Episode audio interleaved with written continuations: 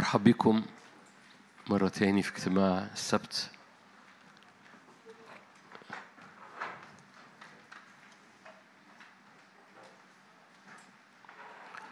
كالعادة اجتماع السبت بيميل للعبادة آه، فبنقضي أوقاتنا أكتر في العبادة والمشاركات حتى الكلمة بتميل أكتر إلى هذا البعد. ولو أنتم فاكرين إحنا كنا ابتدينا من فترة قبل ما العيد وأجازة هذا المكان ابتدينا رحلة كده تحت عنوان النهضة في العبرانيين. ماشيين رحلة في رسالة العبرانيين. لأنه رسالة العبرانيين بالنسبة لي أنا بتحمل مليانة كنوز مليانة كنوز. ليها سمعة سيئة في وسط الشراح مش عارف ليه. لسه امبارح كنت وأنا ب- بقرأ بحب أقرأ كتب قبل ما أشارك يعني. ف ثلاث ثلاث شراح قايلين نفس الجملة واستغربت يعني زي ما يكون عارف لما يكون ناس بتتفق على حاجة. فقايلين نفس الجملة يقول لك رسالة العبرانيين هي تاني أصعب رسالة في العهد الجديد. ف أوكي. لو هم عايزين يقولوا كده يقولوا كده. رسالة العبرانيين من أغنى ومن أجمل. يمكن عشان كده بيقولوا آه، طبعا أنت قاعد تقول هو إيه أصعب واحدة؟ طيب. هم إدوا ال إدوا ال إدوا ال الجائزة الأولى لسفر الرؤيا إدوا الجائزة الثانية لرسالة العبرانيين عشان كده إحنا ابتدينا بسفر الرؤيا السنة دي وبعد كده دخلنا على العبرانيين عشان إيه. فلزاز إخواتنا الشراح. هقول لكم حاجة تانية عنهم بعد دقايق برضو. أضرموا روحي بالعكس يعني. ف... ف... فمرة تاني بيميل اجتماع السبت لل... للتواجد قدام العرش وعبرانيين بتحمل هذا البعد دايما دايما رسالة العبرانيين. بالنسبة لي برضو بتاخدني رسالة العبرانيين قدام المجد قدام العرش وبتحمل الكنيسة ولهذا السبب رسالة العبرانيين موجودة. رسالة العبرانيين مش بتتكلم في الأساسيات رسالة العبرانيين بتتكلم في الدسم بتاع التواجد في الحضور الإلهي. لأنه كان بيكلم شعب مدرك له خلفية يهودية فهو شعب مدرك الحياة الروحية بس كان بيرفعهم للمستوى الذي لهم في المسيح يسوع. ما كانش بيكلم ناس جاية من الأمم جايين من الخطية أو جايين من حياة محتاج يقنعهم بالكنيسة ومحتاج يقنعهم بحاجات كتيرة. كان بيكلم ناس اوريدي لهم خلفية روحية وإن كانت بره يسوع فبيحملهم إلى المجد الذي لهم في المسيح يسوع. مش محتاج أقول لك الكتاب المقدس مش بياخدنا من أرض مصر أو من أرض الخطية أو من أرض التعب عشان نقعد نلف في تعب. الكتاب المقدس بياخدنا من أرض العبودية أو أرض التعب عشان يدخلك إلى أرض راحة إلى أرض مجد. في الأرض قبل ما تروح السماء. كلكم عارفين مش محتاج أكرر مرة تاني ال ال ال سفر الخروج بينتهي في سفر مش التثنية بينتهي في سفر يشوع. مفيش خروج إلا ما يكون في قصد الرب وراه دخول. مش مقاصد الرب إنك تخرج من أرض مصر في سفر الخروج عشان تفضل بتلف في البرية. مقاصد الرب إنك تدخل أرض حضور وحرية أرض حضور إلهي يسقيها الرب من السماء. مرة تاني برضو للتذكرة أرض كنعان أو أرض سفر يشوع مش السماء. زمان لو انت قديم زي شوية كان بنتصور أو كان بيتقال لنا كده إن كنعان هي السماء كان في ترنيمة كمان أنا داخل كنعان. فاكرين الترنيمة؟ أنتوا قدام برضو؟ ولا ولا كملت شوية؟ بطلت أقولها من سنين. المهم ف فكنعان مش السماء لأن كنعان فيها حروب كنعان فيها كان فيها هزايم اذا كنعان مش السماء كنعان هي أرض على الأرض. كنعان هي أرض تدخلها تطأها قدماك وأنت في مسيرك مع الرب في الأرض. كأني محتاج أكرز عن كنعان كنعان هي أرض حضور إلهي يسقيها الرب من السماء. أرض الرب يملاها أرض تفيض في الأرض. أرض تفيض لبن وعسل يعني ملقانة من الدسم لحياتك وملقانة من الثمر لحياتك. أرض تفيض بحضور الرب يسقيها. الرب من السماء مش بعرقك مش مش برجلك بتسقيها كأرض مصر. أرض ديناميكيتها مختلفة. أرض تحتاج إنك تعبرها بالإيمان زي ما عبر الشعب في العهد القديم. رب الشعب خرج من أرض مصر. كان في كرباج وراه اسمه فرعون. اسمه الخطية اسمه اللعنة في لغة العهد الجديد. فأنت خرجت من أرض قديمة لأن كان في خطية بتضايقك كان في لعنة بتضايقك والرب خلصك وعبرك البحر الأحمر بالفدا بالفداء ولدنا ثانية عشان تخرج من أرض هذه العبودية. بس مش القصد إنك عشان تلف في أرض برية. القصد إن هو بيحملك إلى أرض أخرى بتخشها من غير ما يكون حد بيكربجك وراك. انت عبرت البحر الأحمر اللي كان كان فيه خطية ولعنة وراك. بس لما بتعبر الأردن لدخول أرض كنعان في حياتك مفيش حد بيكربجك. ده اختيار. عشان كده كثيرين بعد ما خرجوا من أرض العبودية بيتصوروا أن الحياة الروحية هي أرض البرية. الحياة الروحية مش أرض البرية. مفيش حاجة غصباهم إنهم يعدوا الأردن ويخشوا أرض كنعان. فعلا مفيش حاجة غصباك فكتير بيتصوروا إن هو ده لن يكون خير مما كان هي دي المتمة زي ما بيقولوا. برغم إن مش هي المتمة عبورك الأردن اختيار إيماني بحت. إنك بتصدق إن الأرض اللي على الشط الآخر من هذا الأردن والأردن ده امتحان الإيمان. الأرض اللي على الشط الآخر من هذا الأردن أرض قد وعدك الرب بها. هم خبزنا. كلكم عارفين الآيات بقى. نصعد ونمتلكها. قادرون بالله عليها. ليه هم خبزنا. نصعد. ده اختيار. هو ده الإيمان. هو ده اللي بيعبرك لكي تدخل أراضي مختلفة الديناميكية فيها مختلفة. عبرانين بيحكي عن أجزاء من مثل هذه وهنلمس عليها ببساطة. بس عايز أشجعك أشجعك لأنه لو نسيت أي حاجة في الحياة المسيحية تذكر ده. فدا يسوع على الصليب من أجلك لم يكن فقط لحسم أرض مصر جواك. أرض مصر لا اعني الجمهورية أعني أرض العبودية. لم تكن لحسم أرض الخطية في حياتك لكن لدخولك إلى طبيعة إلهية ملآنة إلى أرض ملآنة بالحضور الإلهي والطبيعة الإلهية وملامسات السماء للأرض. يسقيها الرب من السماء. أرض تفيض على حياتك أرض بتمد فيها إيدك لأنها بيفيض فيها الرب.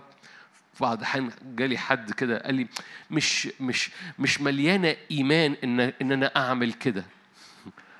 قلت له لو دي مش مليانة إيمان مش عارف إيه اللي يبقى مليان إيمان. يسقيها الرب من السماء إن السماء تمطر على أرضك. دي ديناميكية كنعان. إن عينك مرفوعة للسحاب المجد اللي عمال بيمطر ويزداد المجد في أرضك ويزداد المجد في أرضك. هو دي الحياة اللي يسوع دفع الثمن من أجلها. هو ده المكان اللي يسوع دعاك ليه. عشان كده هو مش بس أحيانا معه مش بس صلبنا معه أقامنا معه لا هو أجلسنا معه. ده, ده مكان حضرتك بتتواجد فيه روحي. بيسكب فيه الرب هذه الأمطار وهذه النعمة على أرضك وعلى بيتك.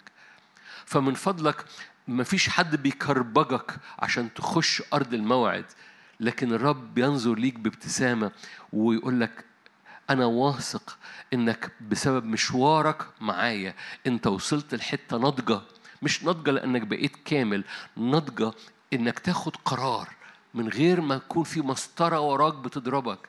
إنك تاخد قرار أنا هعبر وراك بإيمان. اللي خرجني من أرض مصر اللي خرجني من أرض مصر أنا خلاص أخدت قرار. أنا خرجت من أرض مصر. خلاص يبقى يبقى أدوس بقى وأعدي الأردن. ما ينفعش ترجع لورا فدوس لقدام.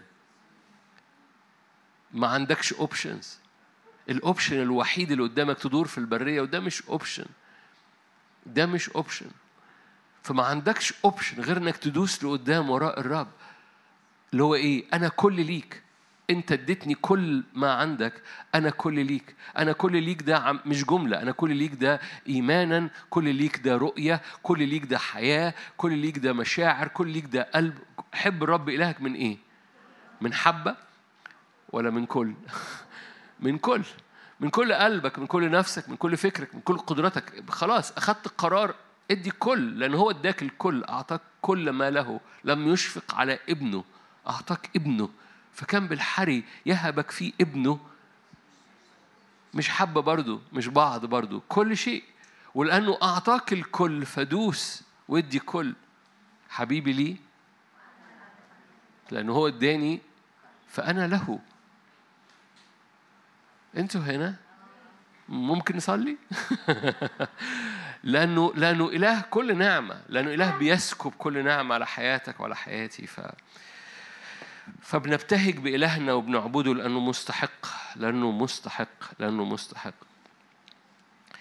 رسالة العبرانيين أنا يعني بيبقى فيه دايما آه، لما بنمشي سلاسل من أسفار كتاب مقدس دايما في ميل إن إحنا نمشي اصحاح اصحاح بس ده مش الهدف.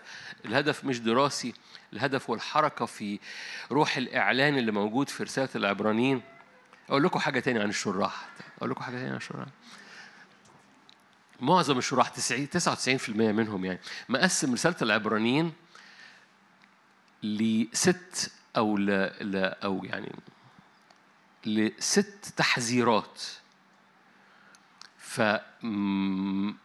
فمقسمين رسالة العبرانيين كده على بعضها يقول لك هو رسالة العبرانيين فيها تحذيرات من الارتداد. ودي حقيقة مش يعني وما قالوش ولا حاجة غلط بالمناسبة في كل اللي أنا بقوله ده ما قالوش ولا حاجة غلط. فرسالة العبرانيين فيها ست تحذيرات من الارتداد. أنا بالنسبة لي رسالة العبرانيين فيها ست مفاتيح للنهضة.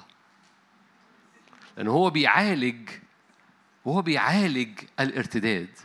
ادى المفاتيح اللي تحفظك من الارتداد. Are you here؟ ولأنه ادى المفاتيح اللي بتحفظك من الارتداد هذه المفاتيح هي مفاتيح نهضة.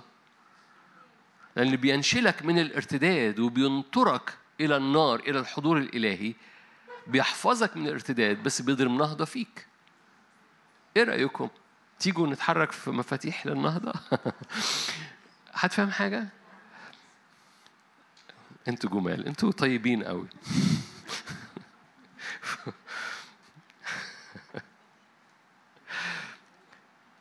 هللويا مش هبتدي بالستة دول. ابتدي بالحاجة المكررة في رسالة العبرانيين. تعالوا نفتح مع بعض عبرانيين ثمانية في تعبير مكرر في العبرانيين. في تعبيرات كثيرة مكررة في العبر مثلا أكتر سفر أنا كده دخلت في الدراسة. بس مش هدرس. أكتر سفر فيه كلمة ثقة. هنبص عليها حالا. بس أكتر سفر في العهد الجديد أو أكثر سفر من من أسفار بولس الرسول اللي في هذا التعبير أنا هبص عليه هو تعبير رئيس كهنة.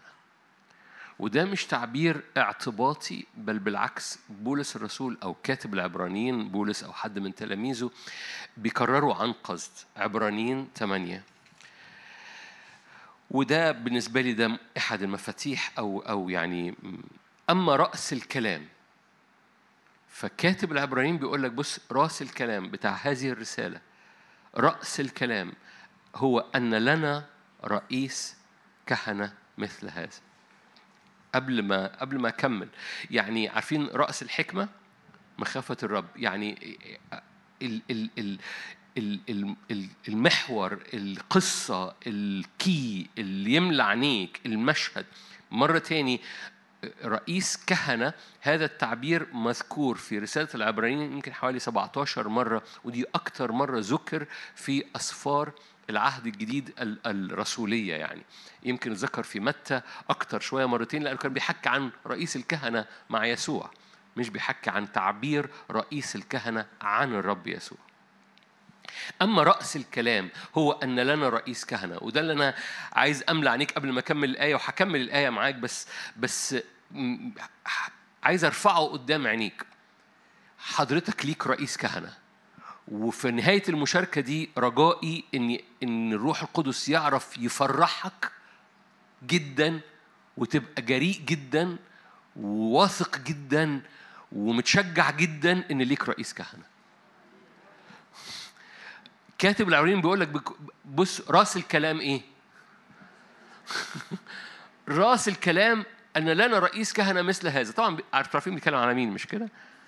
يسوع المسيح مش كده رأس الكلام رأس الكلام أن لنا رئيس كهنة مثل هذا هو دي الحتة دي ده ده مرة تاني صلاتي إن روح القدس يوم عامل موجة على قلبك وعلى روحك وعلى نفسك وعلى جسدك فتبقى مفتخر بنهاية المشاركة دي وفرحان وجريء ولو جاز التعبير فارد صدرك قدام أي مواجهة في الأرض. ليه؟ لأن عارف إن ليك رئيس كهنة مثل هذا.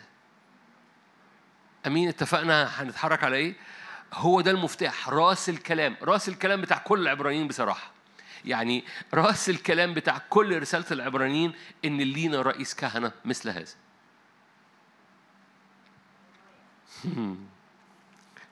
عارفين في الأفراح بيزغرطوا. أنا زي ما أكون جوه روحي مش عايز حد يعمل كده يعني. جوه روحي في في زغرطة لرئيس الكهنة بتاعنا. جوه روحي في افتخار في في ليك رئيس كهنة ورجائي برضو إن ده ينور جواك النهارده جدا. مرة تاني أنا الآية الآية لما نورت جوايا وأنا وأنا بصلي الاجتماع النهارده الآية دي نورت جدا. وزي ما يكون محورية ولو عديت لو انت رجعت وعديت في العبرانيين كده وشفت تعبير رئيس كهنة وفين الروح القدس حاطط هذا التعبير وعمال بيذكره؟ فين وفين وفين وفين؟ في كل مفاتيح القوة في كل مفاتيح النهضة في كل مفاتيح الحفاظ بتاع نفسيتك من الذبذبة أو الارتداد. بالمناسبة الارتداد بتحمل معاني كتيرة. أي تراجع لورا؟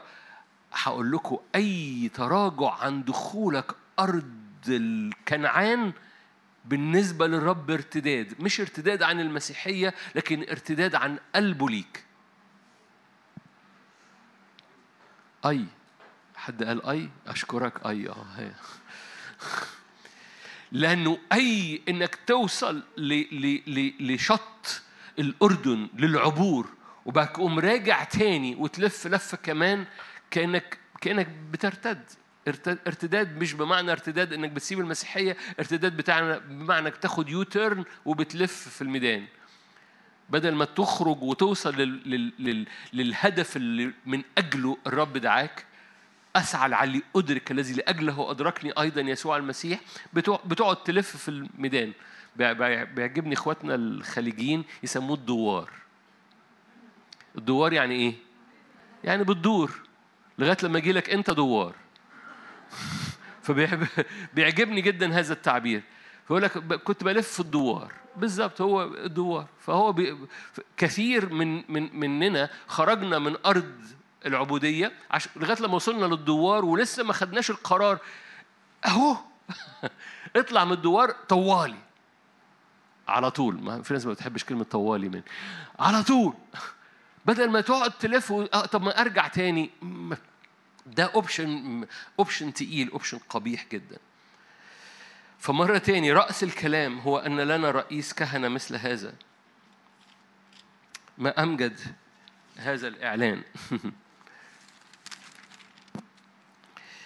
جلس في يمين عرش العظمة في السماوات خادما للأقداس والمسكن الحقيقي. خلي بالك. خلي بالك ممكن حبة حاجات مكنوزة عبرانيين تقيل عبرانيين جميل عبرانيين دسم. لنا رئيس كهنة مثل هذا جلس في يمين عرش العظمة في السماوات خادما للأقداس. يعني يسوع بعد ما جلس في يمين عرش العظمة في السماوات بيخدم في الأقداس؟ حطها عندك كده. خادما للأقداس والمسكن الحقيقي الذي نصبه الرب لا إنسان. لأن كل رئيس كهنة يقام ده بيتكلم على العهد القديم لكي يقدم قرابين وذبائح. فمن ثم يلزم أن يكون لهذا أيضا شيء يقدمه.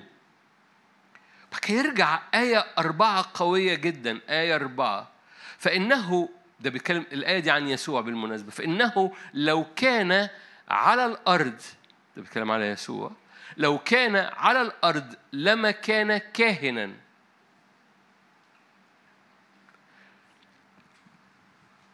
أذكرك رئيس كهنتنا فين؟ جلس عن يمين عرش العظمة في السماوات خادما الأقداس والمسكن الحقيقي الذي نصبه الرب لا إنسان لأن رئيس الكهنة لو كان على الأرض لما كان كاهنا إذ يوجد الكهنة الذين يقدمون قرابين حسب الناموس. آه ليهم حق شراح. ببساطة ببساطة أقرأ لك آية كمان في عبرانيين تسعة وأقول لك البساطة حالا. عبرانيين تسعة.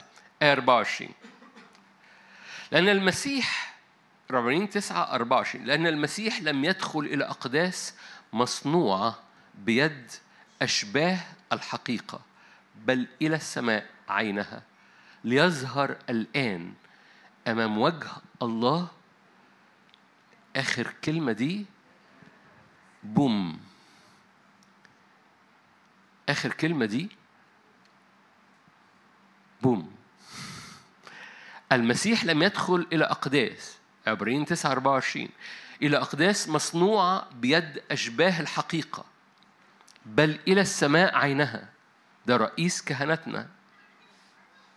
ليس رئيس كهنة مثل هذا. ده رأس الكلام. لم يدخل إلى أقداس مصنوعة بيد أشباه الحقيقة بل إلى السماء عينها. ليظهر الآن أمام وجه الله الآب. إيه؟ لأجلنا. فرئيس كهنتنا هو خادم أرجع مرة رجعت مرة تاني لثمانية 8 2 خادم للأقداس والمسكن الحقيقي ليه؟ لأنه زي ما في رومية 8 مش هلف آيات كتيرة لأن اوريدي هلف آيات كتيرة في عبرانيين. في رومية 8 يقول لك جلس عن يمين العظمة يشفع فينا كل حين أمام الآب.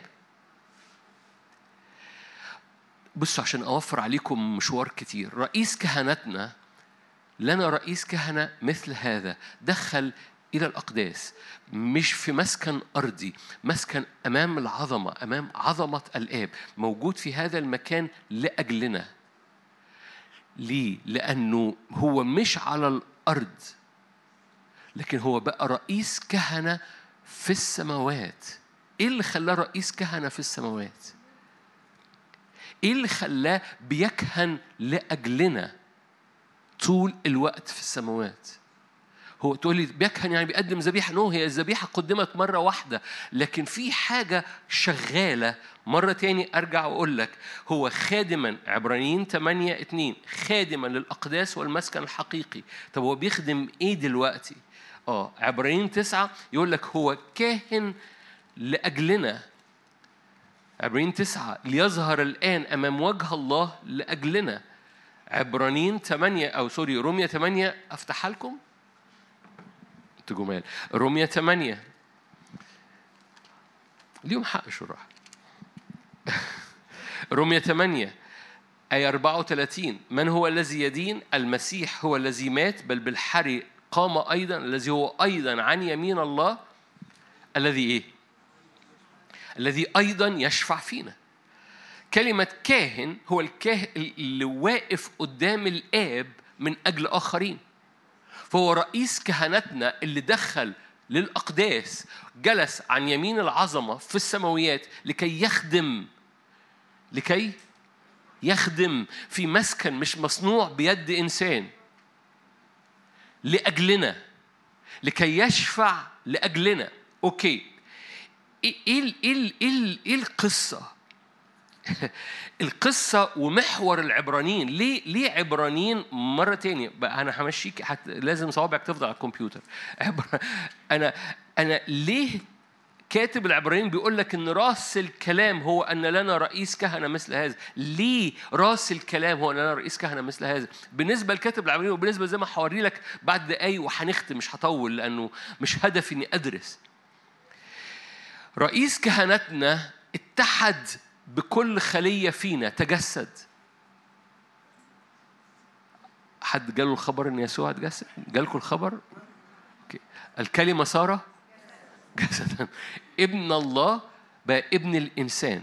إذ قد تشارك الأولاد في اللحم والدم ده في عبرانيين بالمناسبة اشترك هو كذلك هو أيضا فيهما. فرئيس كهنتنا مش صلى لأجلنا مش بس مات عشاننا عشان يغفر خطايانا هو اتحد بينا وعبر بينا بالموت. أوكي حكينا عنها في اجتماع الأربع في الأغلب. وبعد كده عبر بينا بالقيامة. وبعد كده صعد وجلس عن يمين الآب بينا.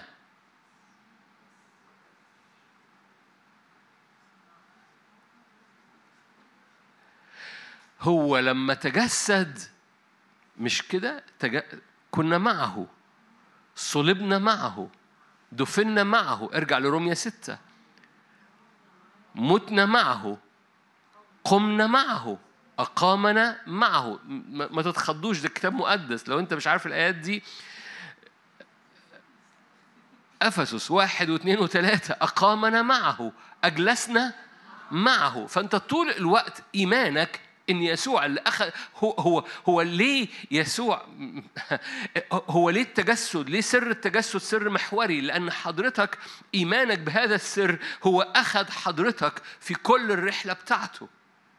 فأخذ حضرتك في رحلة افتداء الخطية بالموت أخذ حضرتك في, لح في رحلة القيامة من الخطية الحياة جديدة أخذ في حضرتك في رحلة التواجد قدام الآب وفي هذا التواجد قدام فهو ما سبكش. يعني ما جاش بقى أنا قمت خلاص أنا خلصت. أنا أنا خدتك من الموت آه، خدت خدتك على الصليب وبعد كده قمت من الموت فأنا اديتك حياة جديدة بقى. فغسلت إيديا خلصت الموضوع وأنا رايح لأبويا بقى خلاص. لا هو خدنا معاه. حد مسيحي هنا؟ أخدنا معاه. دي بإيمان. صلبت معه ده بإيمان. قمت معاه ده بإيمان. أقامنا معه أجلسنا معه في السماوات ده إيمان. نفس الإيمان بتاع إنك صلبت معاه وحمل خطاياك على الصليب هو نفس الإيمان إنك قمت معاه ودي حياة جديدة وهي دي الحياة اللي جواك اللي هو روح الحياة اللي هو اللي بتخليك تصلي بالروح تبقى بتحب الرب وبتسجد هو ده اللي بيبكتك بالمناسبة لما بتبقى واقع في الخطية. لحسن إن حد يقول طب أنا يمكن مش ضمني إن جوايا روح الحياة. روح الحياة هو اللي بيبكتك في بعض أحيان لما بترخي إيدك من الرب وتحس في حاجة غلط. هو روح الحياة اللي بيناديك هو مش بيبكتك عشان يضايقك هو بيبكتك عشان يخليك تجري وراء الرب وتفرح مرة تاني.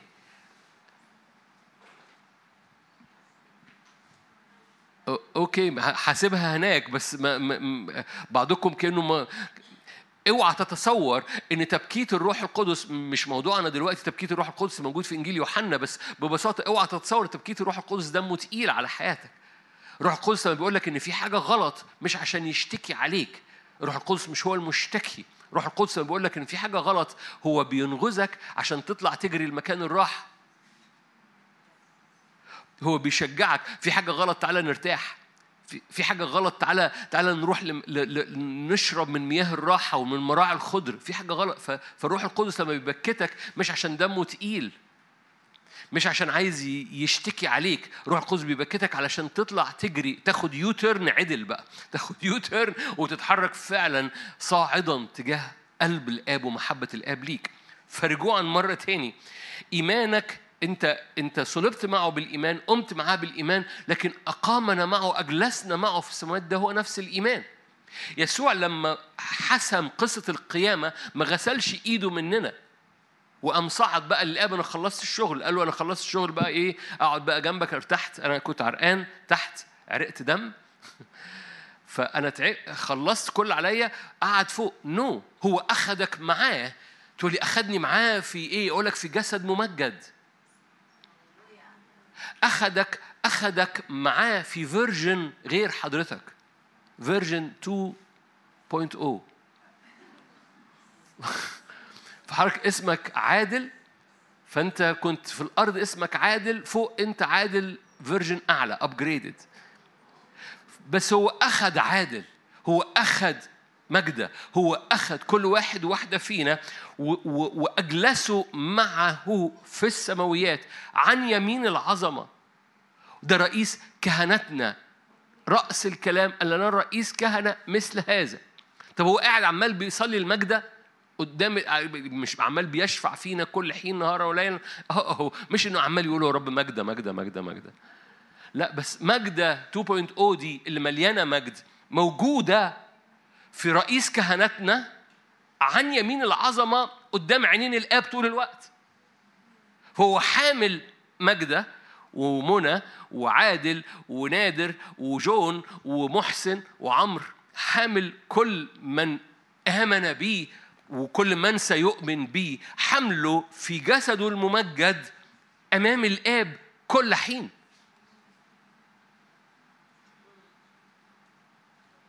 راس الكلام أن لنا رئيس كهنة مثل هذا جلس عن يمين العظمة عشان يخدم. رأس الكلام هو لنا رئيس كهنة مثل هذا جلس عن عرش عن يمين عرش العظمة خادما للأقداس. أن رئيس الكهنة مش بيخدم من الأرض. الآية في في في في 8 بعد شوية انزلي تحت انزلي تحت. لو كان على الأرض 8 4 لأنه لو كان على الأرض لما كان كاهنا. مش هخش في حتة لاهوتية في القصة دي إن الكاهن ما كانش هو اللي بيذبح الذبيحة الكاهن الكاهن أو رئيس الكهنة كان ال ال الشخص اللي جاي الذبيحة كان هو اللي بيذبح الذبيحة الكاهن كان بيقدم الذبيحة. تقول لي بس في بعض الأحيان هارون قدم ذبيحة. أقول لك فعلا هارون قدم ذبيحة كان هو اللي بيذبح الذبيحة وهو بيذبحها ما كانش بيبقى لابس لبس رئيس الكهنة. بعد ما يذبحها كان بيلبس لبس رئيس الكهنة لأن ما فيش كاهن على الأرض بيقدم.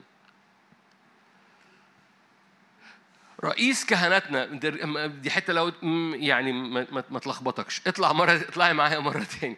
8 واحد واثنين رئيس كهنتنا جلس عن يمين العظمة خادما في السماوات. ليه؟ لأنه جلس عن يمين العظمة لأجلنا لكي يشفع من أجلنا اللي هي الآية اللي قرناها في تسعة. حط حطهم جنب بعض. لم يدخل إلى الأقداس مصنوعة بيد أشباه الحقيقة بل إلى السماء عينها ليظهر الآن أمام وجه الله لأجلنا. رومية 8 اللي قرناها يشفع من أجلنا نهارا وليلا ليه؟ هو حامل فيه حضرتك فيرجن ممجد؟ وهذا هذا ال التجسد وجودك فيه في الممجد بيشفع من أجلك موضوع مثبت أمام الآب نهارا وليلا من أجل أنه كل المجد اللي خارج من الآب ينسكب في المسيح يسوع ليك.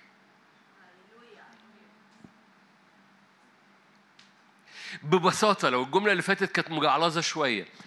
في version ممجد لحضرتك بالفعل موجود في المسيح أمام الآب نهارا وليلا بي بيتقدم قدام الآب نهارا وليلا طول الوقت.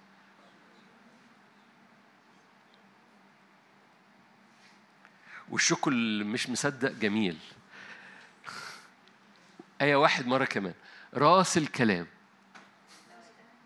صدقوني هتكتشفوا حالا. أنا عم أنا واقف رومية 8 لأن وشكم مشجعني. رأس الكلام.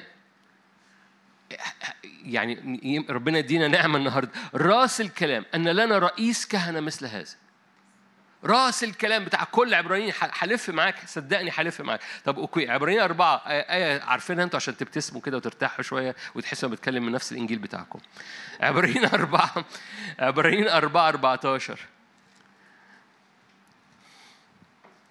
إذ لنا صدقوني كلمة رئيس يعني عبرانيين في عبرانيين في 13 إصحاح وفي 17 آية عن رئيس الكهنة.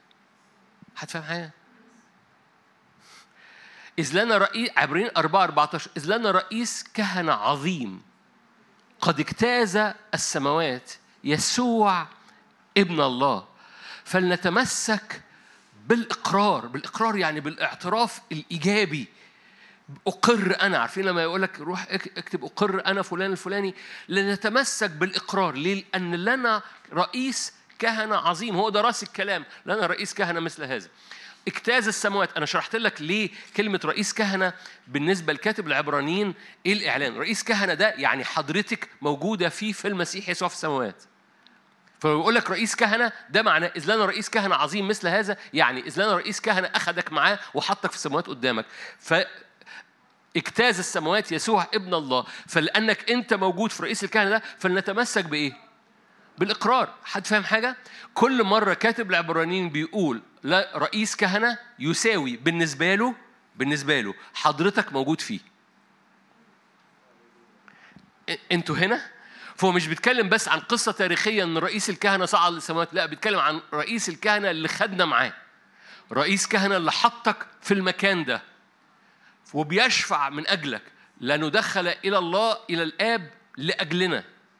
مرة تاني. إذا رئيس كهنة عظيم قد اجتاز السماوات يسوع ابن الله فلنتمسك بالإقرار لأن ليس لنا رئيس كهنة غير قادر. ده بين نفي نفي. يعني تقدر تقرأ الآية دي لأن لنا رئيس كهنة قادر. لأن ليس لنا رئيس كهنة غير قادر أن يرثي لضعفاتنا بل مجرب في كل شيء مثلنا بلا خطية. فنتقدم بإيه؟ بثقة إلى عرش النعمة. لكي ننال رحمة نجد نعمة عونا في حينه. يا روح الله تعالى نور جوانا برغم أنا بتكلم بسرعة نور جوه كل حد بيسمعني في القاعة أو في البيت. بيقول إيه كاتب العبرين بيقول لك لأن لنا الرئيس كهنة اجتاز السماوات وتواجد في هذا المكان. يسوع خلي بالك يسوع ده ابن الإنسان مش المسيح. هو يسوع المسيح. فبيستعمل هنا يسوع. يسوع ده عشان يقول لك ابن الإنسان ابن الله. يسوع ابن الله. المتجسد ابن الله. يسوع هو اسم ابن الله المتجسد. عارفين كده؟ أوكي. فيسوع ده اسم ابن الله المتجسد. إذ لنا رئيس كهنة قد اجتاز السماوات. يسوع اللي اتحد بينا ده ابن الله. اجتاز السماوات. فلنتمسك بإيه؟ بالإقرار. تمسك تمسك بهذه الجرأة. عشان كده لا نتقدم بثقة آية 16 نتقدم بثقة إلى عرش النعمة. ليه؟ لأن رئيس كهنتنا بالفعل أخذنا وبالفعل دخلنا فلنتمسك بهذا الإقرار. ليه؟ لأنه تألم مجربا في كل شيء لكي يقدر أن يعين المجربين. فهو أخذ رحلتنا أخذ مشوارنا اتحد بينا واتحد بتجاربنا بلا خطية تألم مجربا في كل شيء لكي يقدر أن يعين المجربين. فرئيس كهنتنا الممجد اللي معاه version مختلفة فيه upgraded عن ال version بتاعتي أخذني لحتة مليانة مجد. أنا لسه هنا لسه في ال version الأولانية بس هو بالفعل أخدني معاه. فخش يا نادر بجرأة. ليه؟ لأن ال version الممجدة بتاعتك موجودة فيه فوق. فخش بثقة تمسك بالإقرار. ال version الممجدة بتاعتك مش version عجيبة عنك لا دي version عدت تألم مجربا في كل شيء لكي يقدر أن يعينك يا نادر وأنت بتجرب وأنت بتمر بالمرارة أو بالتعب أو بالحزن أو بالرفض أو بالشكاية أو أيا كان بس هو تألم منتصرا غالبا بلا خطية وأخذ وعمل upgrade لل version بتاعتك عمل upgrade للطبيعة بتاعتك وحطها فيه في السماويات وطول الوقت الفيرجن الممجدة دي قدام وجه الآب. فخش بجرأة لأن لك رئيس عظيم مثل هذا وهو ده راس الكلام Are you here؟ بصوا كلمة ثقة وجرأة وكده هو موجودة في رسائل بولس كتير بس أكتر مرة مذكورة في العهد الجديد في تفتكروا فين؟ في العبرانيين أهو برافو فك... ف... ليه؟ يقول لك أصل رأس الكلام إيه؟ برافو. راس الكلام إيه؟ لنا رئيس كهنة مثل هذا. لأن را... لنا رئيس كهنة مثل هذا. ما فيش زيه يعني. لنا رئيس كهنة مثل هذا. النتيجة الطبيعية جرأة ثقة. لأن أنا عارف رئيس كهنتي. وعارف عمل إيه؟ ده خدني وعمل upgrade لل version بتاعتي وثبتها عن يمين العظمة. أنا عارف إن أنا ال version القديمة دلوقتي. بس في version مختلفة مني موجودة في المسيح يسوع مليانة. حوريك حوريك آيات كلنا بنقراها ونمصمص شايفين آيات جميلة. هتكتشف إنها بتترجم بالصورة دي. قد أكمل إلى الأبد المقدسين. عارفين الآية دي؟ في عبرانيين. أكمل حضرتك إلى الأبد. يعني ال version النهائي بتاعك already موجودة فيه. حضرتك أكملت إلى الأبد.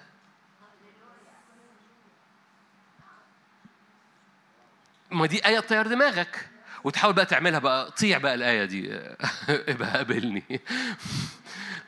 هو قد أكمل إلى الابد يعني أخذ حضرتك وأخذ وأخذ حضرتك وأخذني وقام مطلع version نهائي perfect وحطه في السماء. يقول لك أنت لسه في ال version الأولاني. اتمشى ورايا. بس وانت داخل اعرف ان في version مليان مجد موجود عن يمين الآب وقدام الآب بيذكر اسمك في في هذا رئيس الكهنة اللي من أجلك دخل إلى هذا المكان بيخدم في السماويات. ففي version انت لسه في ال version الأولاني بس لما تخش قدام أبويا اعرف ان في version ممجد فخش بجرأة. راس الكلام إيه؟ لنا رئيس كهنة مثل هذا ما فيش زيه لنا رئيس كهنة. ف... فافرد صدرك إيه إيه أنا ما حدش يعمل كده. زغرط. خش للعرش بتزغرط كأنك داخل فرح.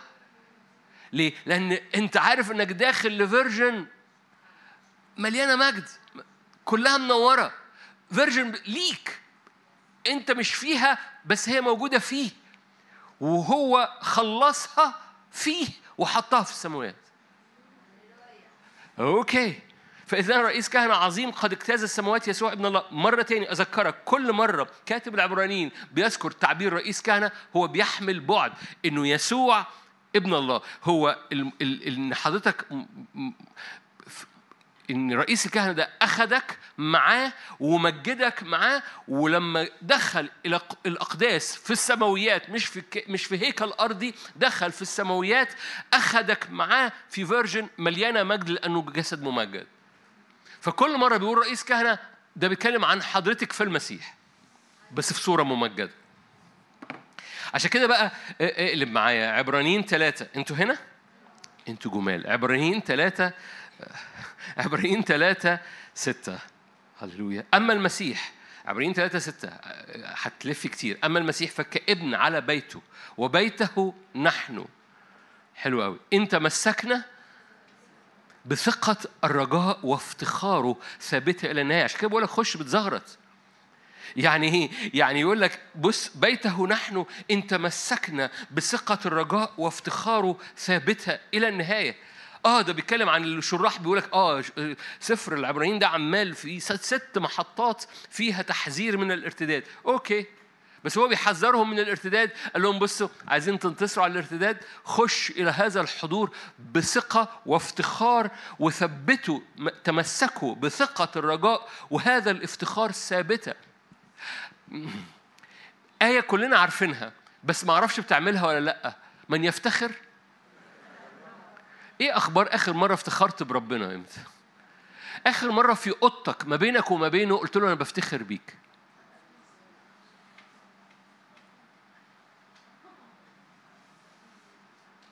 أنا بفتخر إنك أنت إلهي. مش هو قال من يفتخر؟ وإحنا دورنا نطيع. ما تطيع. احتفظوا بافتخاره ثابتها إلى النهاية. أراها من هنا لأني مش شايفها هنا. ما هي قدامي هي إن تمسكنا بثقة الرجاء تمسك بثقة الرجاء وافتخاره ثابتها. ده أحد مفاتيح إنك تنتصر على التذبذب وإنك تعمل U-turn وترجع لورا. yes لأن خلي بالك عبرانيين الشراح مظبوطين. أنا ما كنتش بعلق عليهم عشان أقول هم بيقولوا حاجة غلط. بيقولوا كل اللي بيقولوه صح. فآه عبرانيين ده محطات الارتداد. آه بس دي محطات النهضة. وبيديك المفاتيح. بيقول لك احتفظ بثقة الرجاء والافتخار ثابتة إلى النهاية. أوكي آية كمان. خلي بالك من الثقة والجرأة والافتخار وال...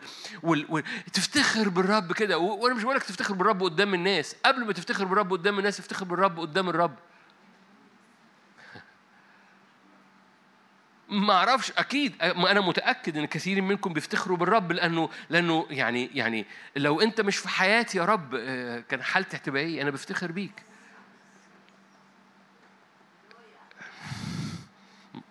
أنا متأكد ده لسان حال كثيرين مننا.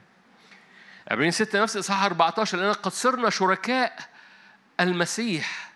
قد صرنا خلي بالك. الكاتب العبرانيين يجنن. عشان كده الدراسة ممكن تقعد في آيتين بعد الظهرية وما تخلصش كل اللي فيها. إحنا في عبرانيين ثلاثة أنا ما قلتش كام؟ أنا قلت كام صدقيني بس أنت ما خدتش بالك. 14 قد صرنا شركاء المسيح. إن تمسكنا ببداءة الثقة ثابتة إلى النهاية. ممكن نقعد ندرسها في دي بس هتاخد منها وقت طويل. خلي بالك يقول لك إيه؟ الثقة المستمرة في حياتك إلى النهاية بتطلق فيك الطبيعة بتاع شركة الطبيعة الإلهية. طبعا لو أنت عايز تدرسها في اليوناني أو في العربي حتى في العربي باينه زمن الأفعال يطير دماغك. قد صرنا ده ماضي. إن تمسكنا ده شرط. في اللغة العربية ما ينفعش تقول حاجة ماضي وتحط فيها شرط. بس ده كتاب مقدس.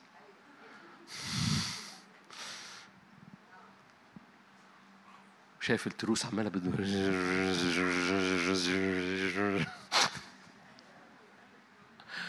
قد صرنا شركاء. خلاص قد صرنا شركاء. انت مسكنا هللويا. لأنه بيتكلم بره الزمن بره بره تصريف الأفعال بره الماضي والحاضر. هو بيتكلم بره الزمن وده روح أبدي ده روح الإعلان ده روح الحكمة ده روح القدس. فبيتكلم بره الزمن. okay. فمرة تاني تمسكك بالثقة. كلمة ثقة وكلمة افتخار في رسالة العبرانيين جاية إن لك رئيس كهنة مثل هذا وكلمة ثقة وافتخار أساسية في تبعيتك وراء الرب لانتصارك. مرة تاني من يفتخر ودي مش في عبرانيين دي في كورنثوس من يفتخر فليفتخر بالرب. تمسك بالثقة. okay. آية وراها عبرانيين عشرة. آية كلكم حافظينها عبرانيين عشرة. أنتوا هنا؟ دي كلكم حافظينها عبرانيين عشرة 19 إذ لنا أيها الإخوة حد مسيحي هنا؟ إذا أنا ثقة بالدخول الأقداس بدم يسوع طريقا كرسه لنا حديثا حيا بالحجاب أي جسده وإيه؟ وكاهن عظيم على بيت الله. إيه رأس الكلام؟ رئيس كهنة مثل هذا. هو ده رأس الكلام. عشان كده بتخش بثقة عشان كده في جرأة عشان كده تمسك بالافتخار إلى النهاية. لأن في رئيس الكهنة ده في version مكمل لحضرتك. وهذا ال version موجود في رئيس كهنتك العظيم الموجود عن يمين العظمة اللي طول الوقت أنت ممثل فيه أمام الآب في المجد. فلما تخش العرش خش بثقة خش بجرأة خش بافتخار بإلهك. خش عشان تتنقل من ال version zero اللي إحنا انت فيه ده لل version اللي مليان مجد. okay. طبعا مش محتاج أقول لكم عبرانيين 11 واحد الآية بتقول إيه. عارفين عبرين 11 صح الإيمان. أما الإيمان فهو إيه؟ طب ما أنتوا حلوين أهو. يكونش كلمة ثقة. أنا ما جبتش كل الآيات يعني بس لفيت معاكم في كلمة ثقة. تعالوا نبص على مش هنبص على الست نقط هنبص على ثلاثة منهم النهاردة ونصلي لأن أنا خلصت المفتاح بتاعهم كله. عبرانيين ثلاثة. قلت لكم في ست تحذيرات من الارتداد في الكتاب المقدس. عبرانيين اثنين أنا آسف. في ست تحذيرات من الارتداد. والشراح أو المفسرين أموا عارفين لما يجوا يقول لك يقسم السفر لمحطات مثلا سفر التكوين فيقسموا أربع أحداث وأربع أشخاص وح...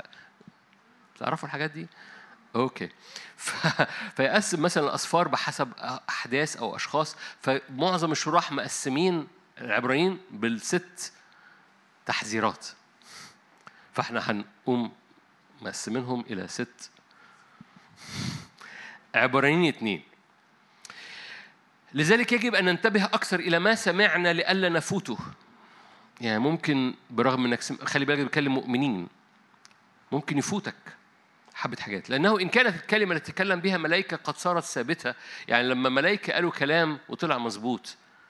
فكيف ننجو نحن آية ثلاثة فكيف ننجو نحن إن أهملنا خلاصا هذا مقداره؟ يعني لما ملائكة قالوا كلامه طلع مظبوط كيف ننجو نحن إن أهملنا خلاصا الرب قاله؟ Are you here؟ يعني لما ملائكة قالوا كلامه طلع مظبوط ف okay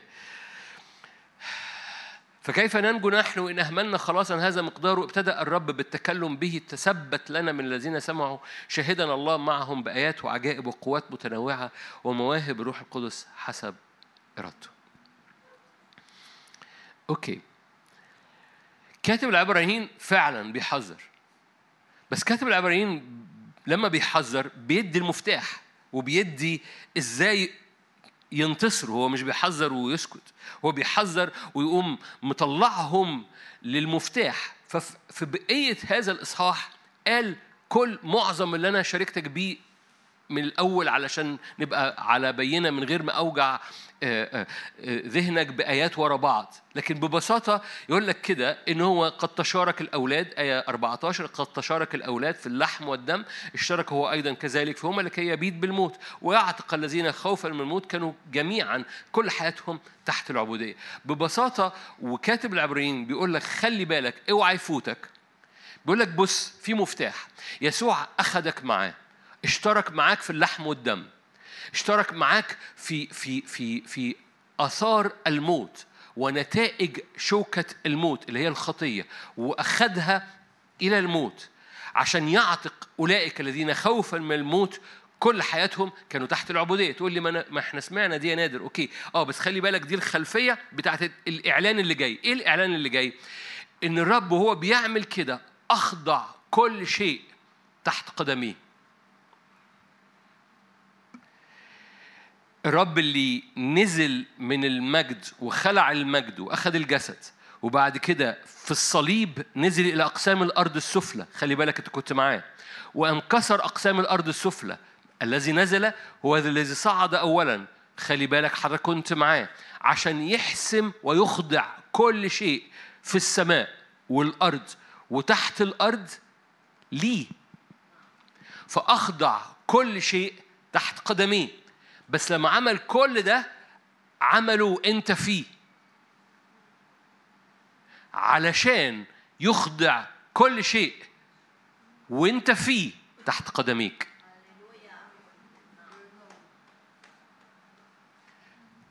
أقراها لك؟ أقراها لك.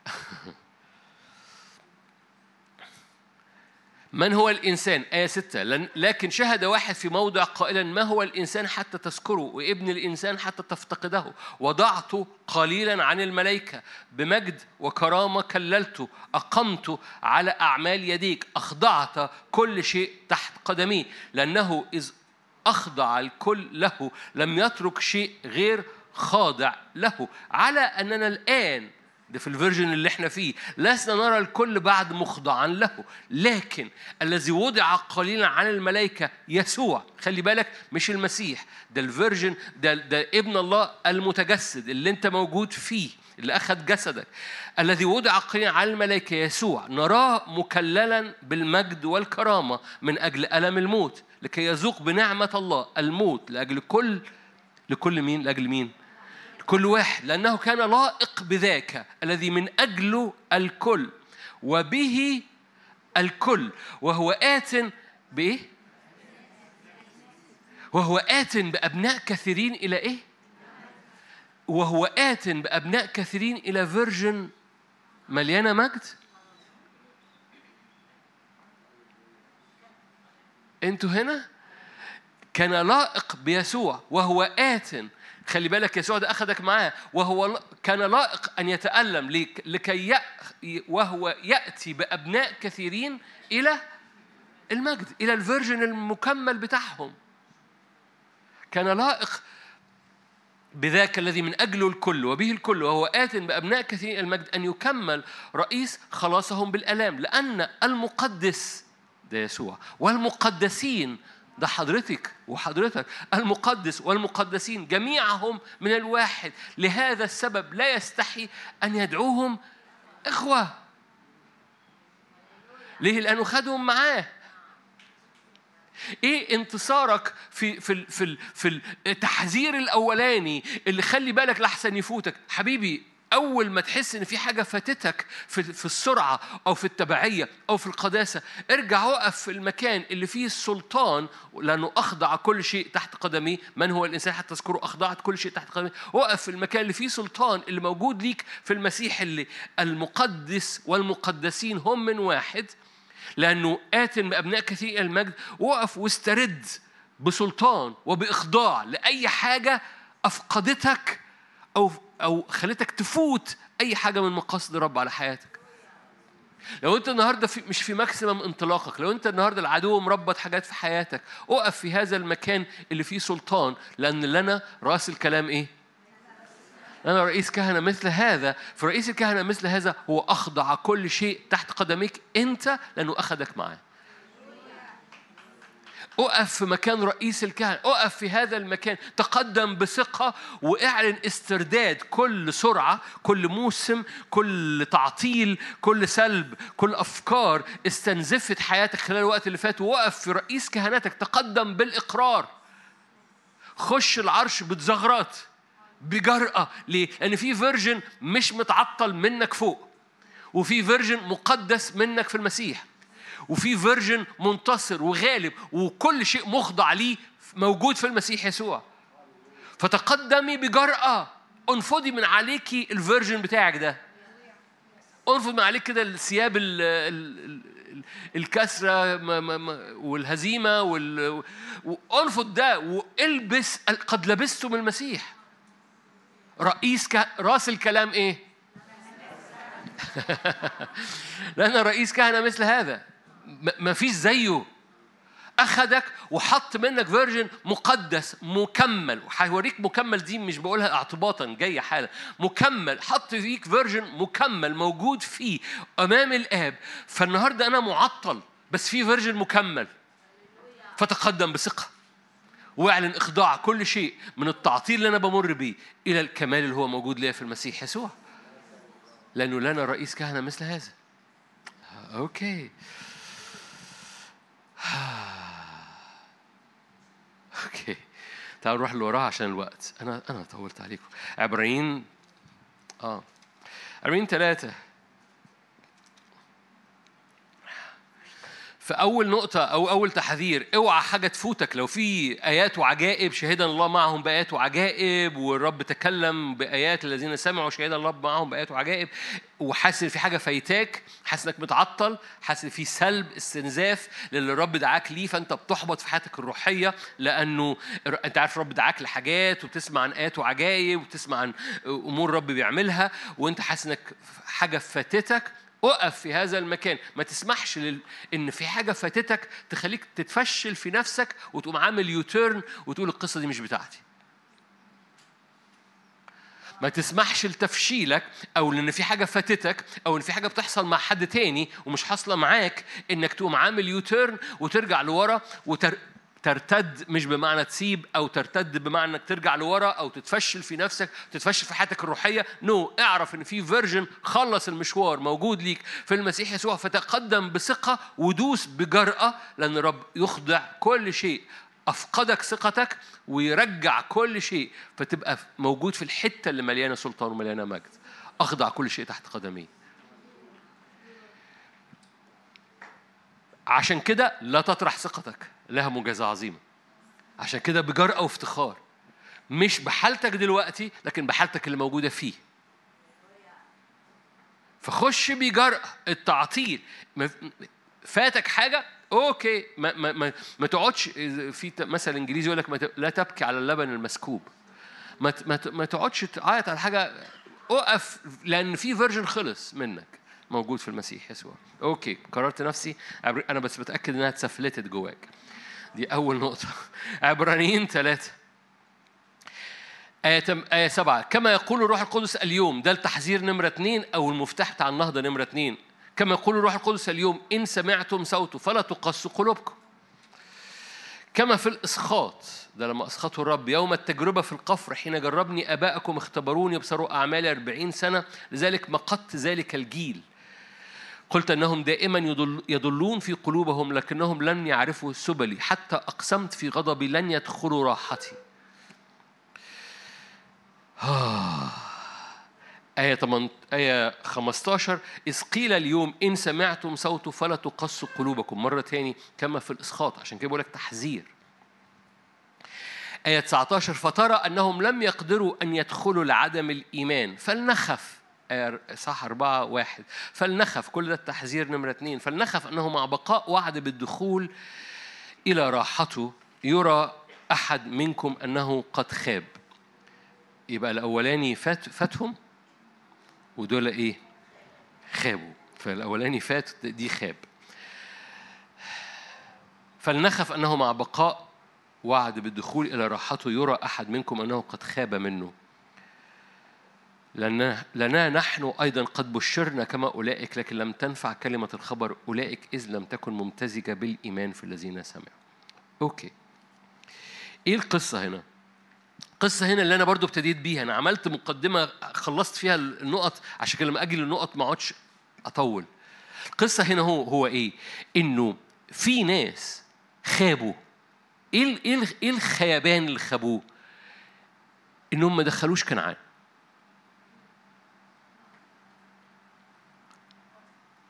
أي إيه الخيبان اللي خابوه؟ إن هم لما عبروا لما عبروا البحر الأحمر عبروا لأن كان في كرباج وراهم.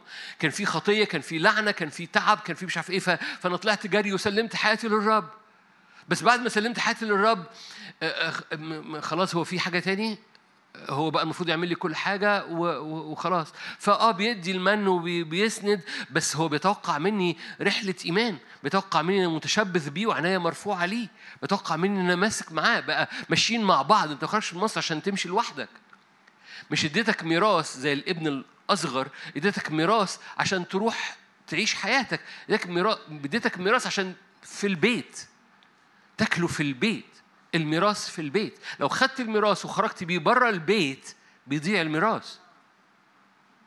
فالميراث في البيت الأب بيورثك في البيت. هؤلاء الذين خابوا خابوا مش على خروجهم من أرض مصر خابوا عن دخولهم أرض البركة. وتصوروا أن دخولهم أرض البركة ده بالحرب. قالوا عماليق ومش هنقدر على عماليق فاكرين الجواسيس؟ ورجعوا العشرة كنا في أنفسنا كالجراد فكنا في أعينهم كالجراد ومش عارف إيه وكالب ويشوع قالوا نصعد ونمتلكها. فببساطة ما يقوله كاتب العبرانيين هنا بيقول لك بص إن سمعتم صوته لا تقص قلوبكم. يجب أن تكون الكلمة ممتزجة بالإيمان جوه قلبك مش بالكرباج. مش هو ده المفتاح بتاع النهضة؟ حالا ثانية واحدة هقول لك مفتاح النهضة جاي حالا. وأنت عارفه بس هقوله لك. ببساطة مفتاح عبورك مش الكرباج لكن الإيمان. اللي عبرك من من من أرض العبودية مش عشان تلف في أرض التوهان والبرية لكن عشان ادخلك أرض حضور وحرية. عشان يدخلك أرض مليانة تفيض لبن وعسل اتملي بإيمان. طب الإيمان ده آه الإيمان ده ملوش دعوة بالمشاعر ملوش دعوة بأي حاجة. ده إيمان صرف بحت. ليه؟ لأن في رئيس كهنة. إيه راس الكلام؟ إن في رئيس كهنة بالفعل دخل Are you here؟ في في بالفعل رئيس كهنة بالفعل دخل بالفعل عبر بالفعل دخل ود... وانت فيه خلي بالك رئيس كهنة ده يعني بالنسبة للكاتب العربي يعني إيه؟ يعني انت فيه بس في فيرجن ممجد رئيس الكهنة بالفعل دخل وإنت فيه ودخل لحتة اسمها الراحة. عبرانيين أربعة. عبرانيين أربعة. آية تسعة. إذا بقيت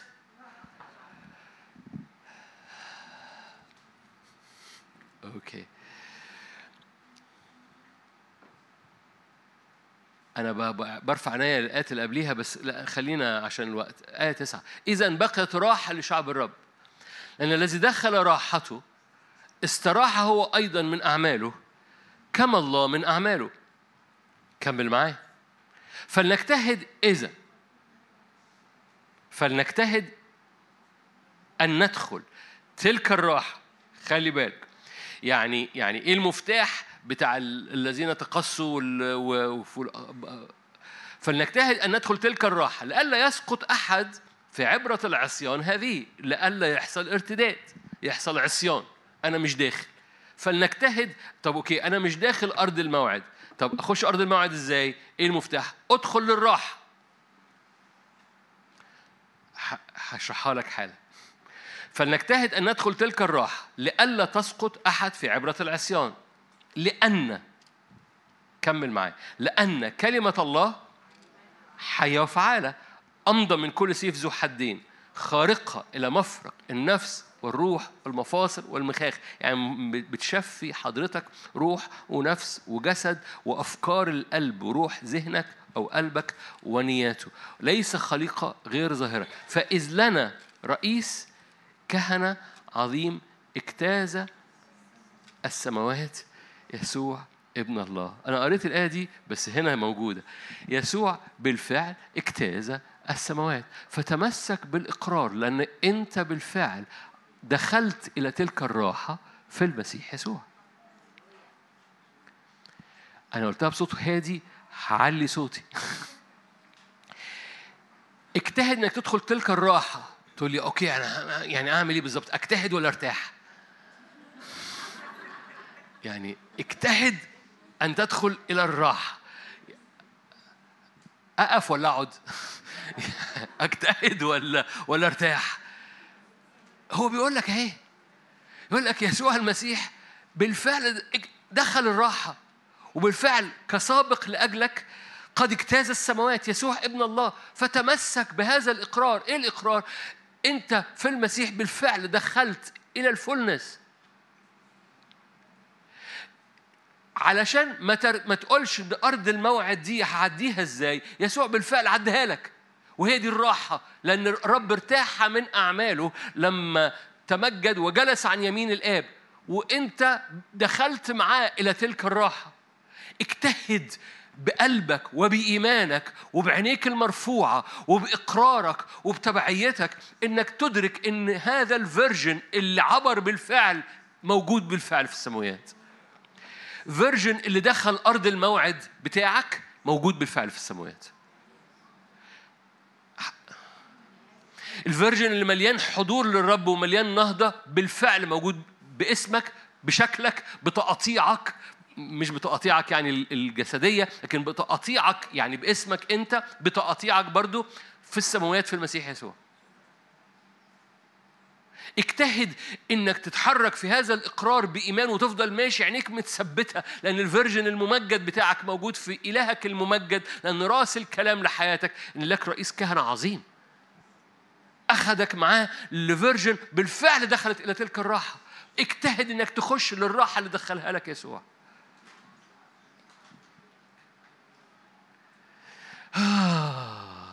عشان كده عبرانيين صعب بس عشان كده عبرانيين لذيذ. عشان كده ما تتصدقش المسيحية ما تتصدقش. المسيحية معجزية. بتحضر اجتماعات غريبة قوي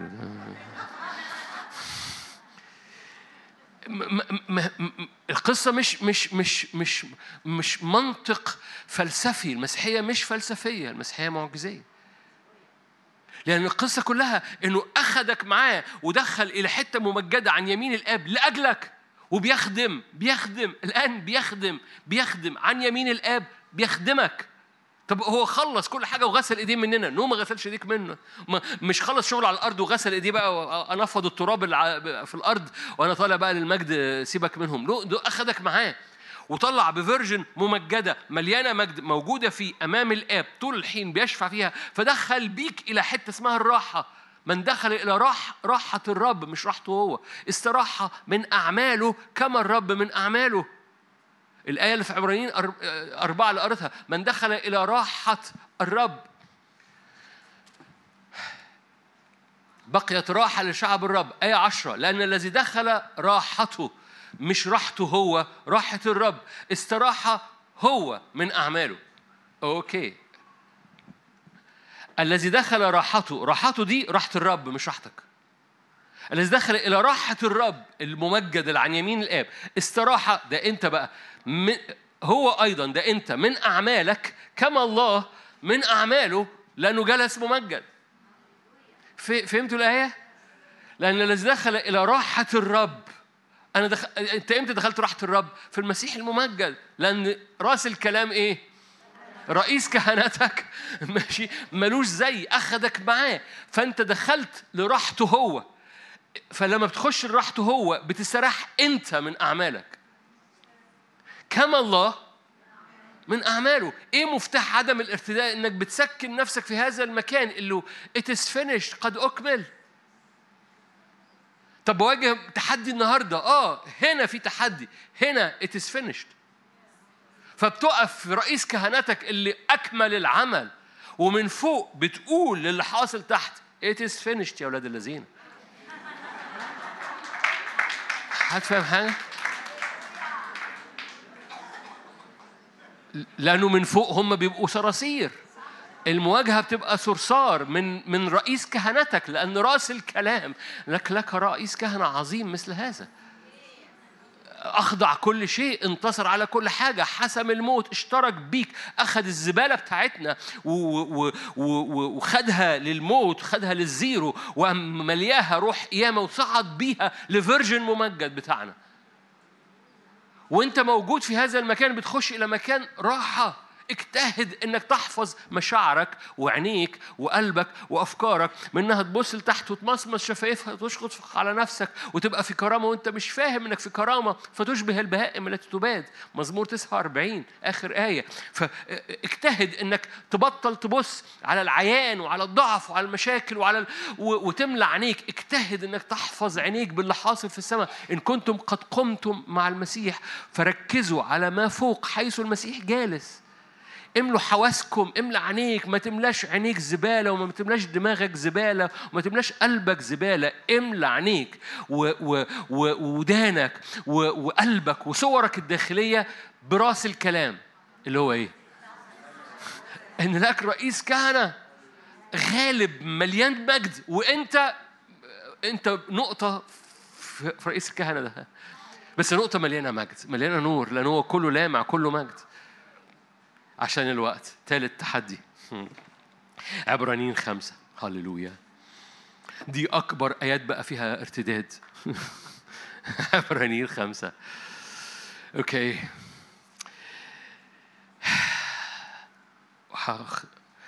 نعمة نعمة نعمة. آية 12 كان ينبغي أن تكونوا معلمين لسبب طول الزمان. تحتاجون أن يعلمكم أحد ما هي أركان بداية أقوال الله.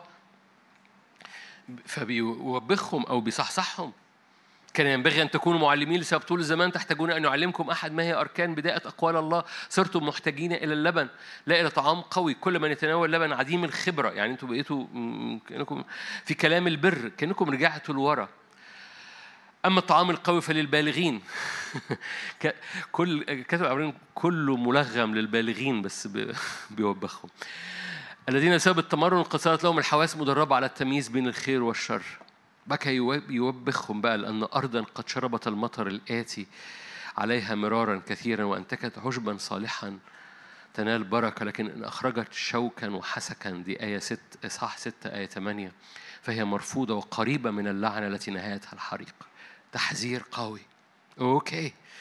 خلي بالك الآية اللي وراها دايما الناس ب... الناس اللي دمها خفيف تقف عند آية 8 لكن آية 9 يقول لك لكننا قد تيقنا من جهتكم أيها الإخوة أمورا أفضل.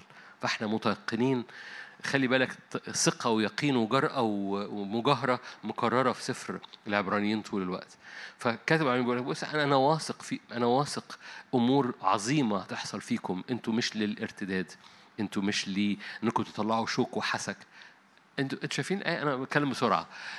حطي آية 8 و9 ورا بعض. أوكي. معلش عشان الحتة دي مهمة. آية 8 بيقول لك أرض بتطلع شوك وحسك مرفوضة وقريبة من اللعنة. آية صعبة أوي. حلو أوي. لكننا قد تيقنا من جهتكم أيها الأحباء أمور أفضل. حلو أوي. فأنت مش أرض هتطلع شوك وحسك. okay؟ إيه المفتاح هنا؟ المفتاح هنا بسيط جدا ومش هطول فيه آه، عشان ما اطولش فيه. okay آية 17 في عبرانيين 6 إذ أراد الله أن يظهر أكثر كثيرا لورثة الموعد. يعني الرب حب يثبت لورثة الموعد إن هم مش عشان يطلعوا شوك وحسك. عدم تغير قضاءه توسط بقسم. حتى بأمرين عديم التغيير لا يمكن أن الله يجذب فيهما يكون لنا تعزية قوية. أمرين عديم التغيير اللي هو شخصيته وكلمته. تكون لنا تعزية قوية. نحن الذين التجأنا لنمسك بالرجاء الموضوع أمامنا الذي هو لنا كمرساه للنفس مؤتمنة وثابتة تدخل إلى مداخل الحجاب حيث دخل يسوع. خلي بالك يسوع ده ابن الله المتجسد اللي هو أخذنا. حيث دخل يسوع كسابق لأجلنا. صائرا على رتبة ملكي صادق. رأس الكلام هو إيه؟ رئيس كهنة بس عشان اتكلمنا عن ملكي صادق كتير ومش هتكلم عنه دلوقتي. إيه مفتاح إن أرضك ما تطلعش شوك وحسك؟ إيه مفتاح إنك ما ترجعش تاني متلخبط ومحتاج بداية الكلام ومحتاج بقى من أول بقى نرجع كان يجب أن تكونوا معلمين بس رجعتوا لورا ومحتاجين بداية الكلام. إيه المفتاح؟ انه إنه رئيس كهنتك ده في رتبة اسمها ملك بر ملك سلام دخل تقول ما أنت قلت كده من الأول أقول لك أه أنا بكرر دخل بس عمل مرساه انت جواه في فيرجن ممجد بس عمل مرساه ما بينك وما بينه. عارفين إيه مرساه؟ هلب المركب. عارفين البتاعة الكبيرة دي الحديد التقيلة دي في حبل. فالمركب بتقوم رامية الهلب عشان ترسى ده ده زمان يعني عشان ترسى في قاع البحر وهذا الهلب التقيل يبقى مثبت جدا مثبت جدا والمركب ممسوكة بالحبل.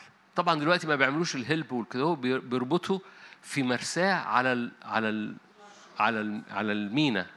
فيقوم عامل بحبل على مرساه مؤمنة وثابتة في المينا. المينا دي هو أرض الموعد. المينا دي أرض تفيض لبن وعسل.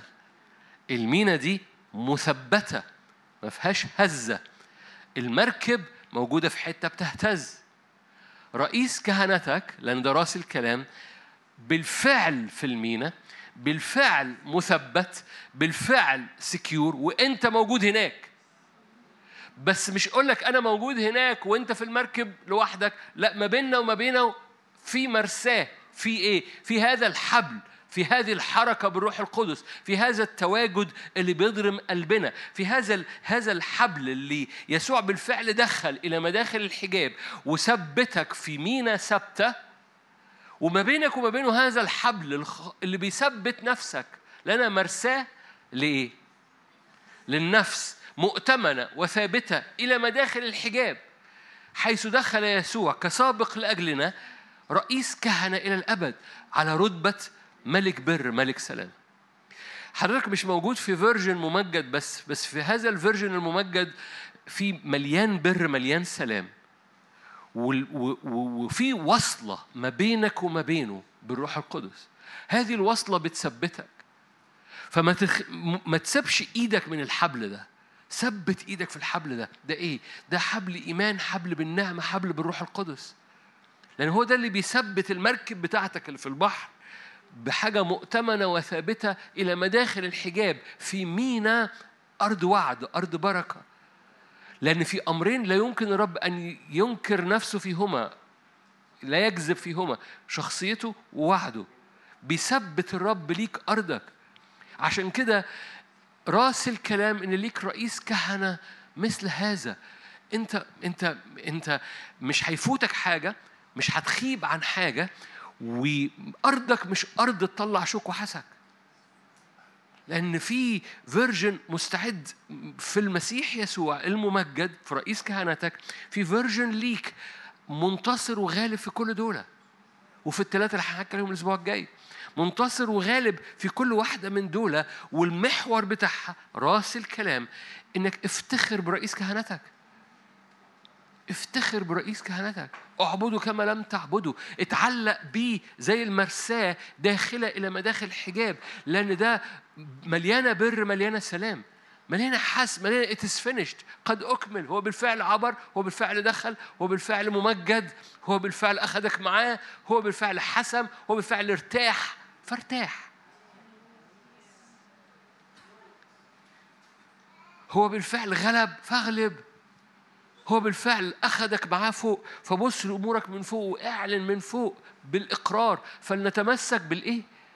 بالإقرار. أقر أنا إني أنا في المسيح. أقر أنا إنه أخضع كل شيء تحت قدمي. أقر أنا إنه قد أكمل. أقر أنا إن الرب حسن. أقر أنا إن المجد يملى حياتي. أقر أنا إن أرضي مش للشوك والحسد. أقر أنا إن أنا مش للارتداد ولا للهلاك ولا ل... ولا إن يخيب حاجة ولا يفوتني حاجة. أقر أنا أن كل سلب حصل يسترد لأني أنا في رئيس كهنة عظيم مثل هذا بيشفع من أجلي. أقر أنا أن في فيرجن أحسن مني. موجود في المسيح يسوع وأنا عمال بتحرك لهذا ال version طول الوقت. أقر أنا أن الصورة النهائية بتاعتي مش دي. Are you here؟ أقر أنا إن ضعفي النهاردة ده مش مستمر. ليه؟ لأن في version أنا عمال بتغير ليها طول الوقت. أقر أنا إن الحاجة اللي ما عبرتهاش النهاردة هعبرها بكرة لأن في version ليا عبرها. أنتوا هنا ما خدتوش بالكم من الجملة اللي فاتت دي هقولها مرة تاني. أقر أنا إن أنا مش عارف أعبره النهاردة هعبره بكرة. ليه؟ لأن في version مني عبرها.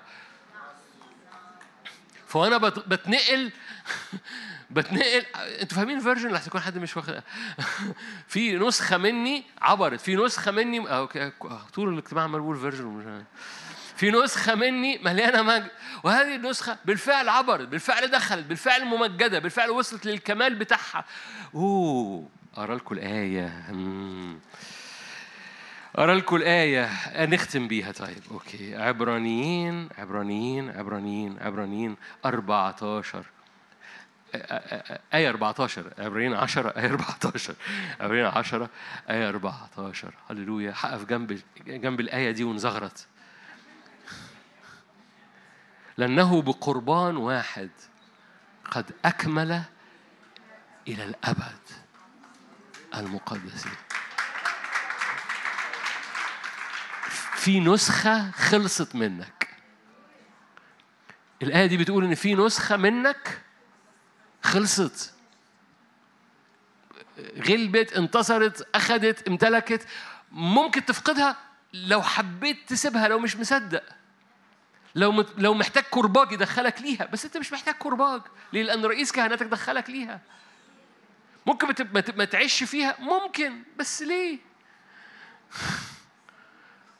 أنتوا هنا؟ في في نسخة منك أكملت إلى الأبد. ممكن ما تاخدهاش؟ ممكن بس ليه؟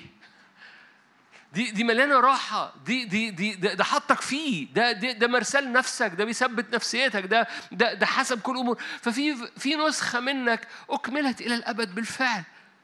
لأن رأس الكلام إنه بقربانه لأنه رئيس كهنة عظيم مثل هذا أكملك إلى الأبد فيه. مش براه أمين. تعالوا نصلي مع بعض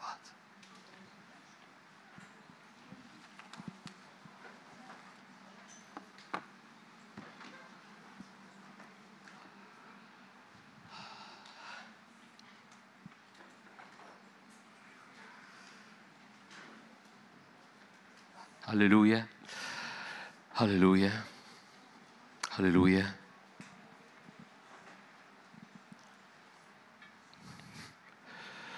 وانت قاعد أو واقف أو في البيت مجرد ارفع قلبك معايا للرب. هللويا يا رب عشان كده عينينا مرفوعة للسماء لأنه رئيس كهنتنا عظيم رئيس كهنتنا مرتفع رئيس كهنتنا بهاء مجد. رئيس كهنتنا مكمل ويكملنا إلى الأبد كملنا إلى الأبد أكمل إلى الأبد المقدسين. عشان كده بنرفع عينينا للسماء لأنه لا مثل لك لأن راس الكلام أن لنا رئيس كهنة مثل هذا.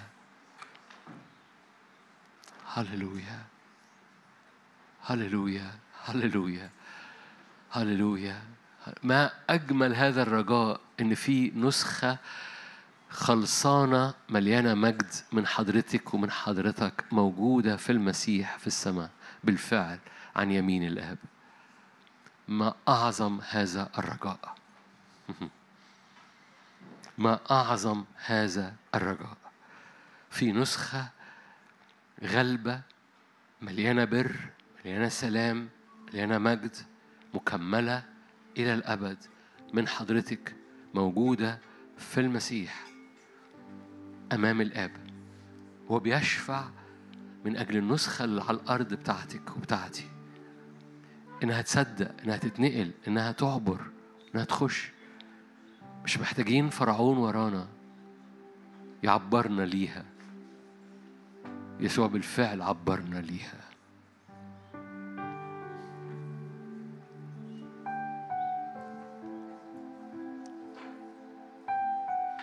أحب سيدي أحبك يا رب يا قوتي. أحب النعمة النازلة من شفتيك. أحب مجدك أحب حضورك. أحب أبعاد الملوكية بتاعت المسكن الذي مش مصنوع بيد إنسان. أحب أخدمك في المسيح في السماويات. أحب أقف قدامك في المسكن اللي مش مصنوع بيد إنسان. مش في قاعة في المقطم أخدمك في المسيح في السماويات. حيث الزيت الملوكي حيث الحركة الملائكية حيث حضور المجد حيث جمرات نار وسرافيم متحركين. على حياتنا على النسخة الأرضية بتاعتنا. وبتنقلنا إلى النسخة السماوية بتنقلنا إلى كل غلبة كل نصرة كل وإحنا بنعبدك انقلنا وإحنا بنعبدك وبنحبك وبنسجد لك وبنتكرس ليك هذا اليوم. انقلنا انقلنا انقلنا. هللويا. ليزداد المجد وليزداد البر وليزداد السلام وليزداد الانتصار والإعلان والغلبة والراحة فلنجتهد أن ندخل تلك الراحة. هللويا.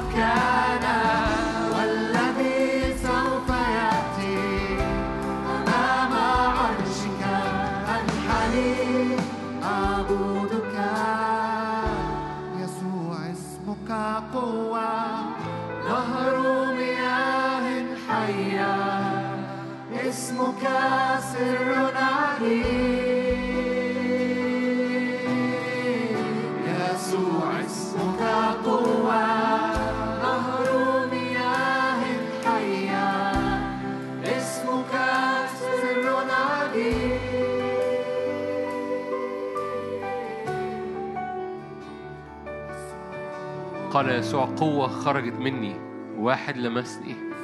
يسوع اسمك قوة. قوة تخرج تلمس. رئيس كهنتنا العظيم رئيس كهنتنا الأعظم لنتمسك بالإقرار. لنتمسك بالإقرار. هللويا. أن لنا ثقة الرجاء والإفتخار ثابتة إلى النهاية. فلنتمسك بالإقرار. رئيس كهنتنا العظيم دخل إلى مداخل الحجاب وأخذنا معه وأدخلنا معه. مرساه للنفس نتمسك بالإقرار. لك مثبت في السماويات. تمسك بالإقرار أن إن رئيس كهنتك غالب. أدخلك بالفعل إلى الراحة. أخضع كل شيء تحت القدمين. فلنتمسك بالإقرار. قوة. اسمه قوة. اسمه غلبة. له مرساة للنفس مؤتمنة وثابتة وداخلة إلى مداخل الحجاب. في المسكن مش مصنوع بيد إنسان. في السماويات هللويا. لنا رئيس كهنة عظيم مثل هذا.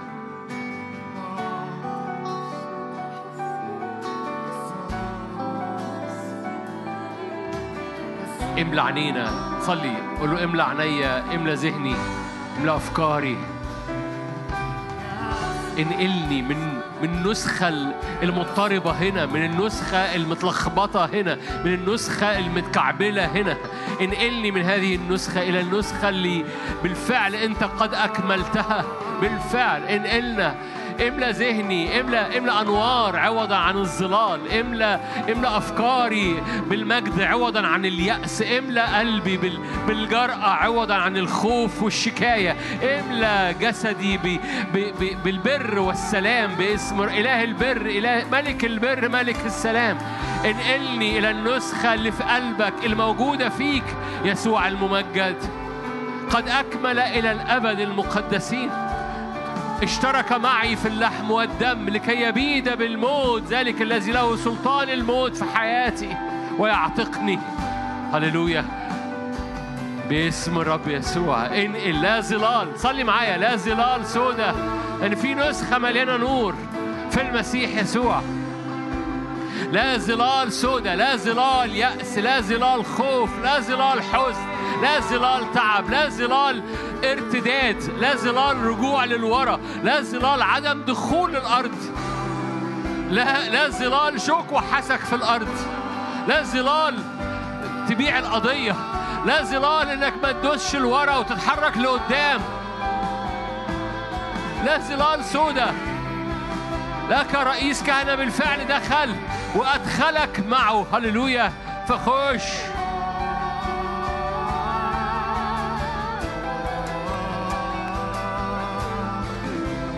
لا ارتداد لا رجوع للوراء لا دوران. هللويا. لا عدم دخول.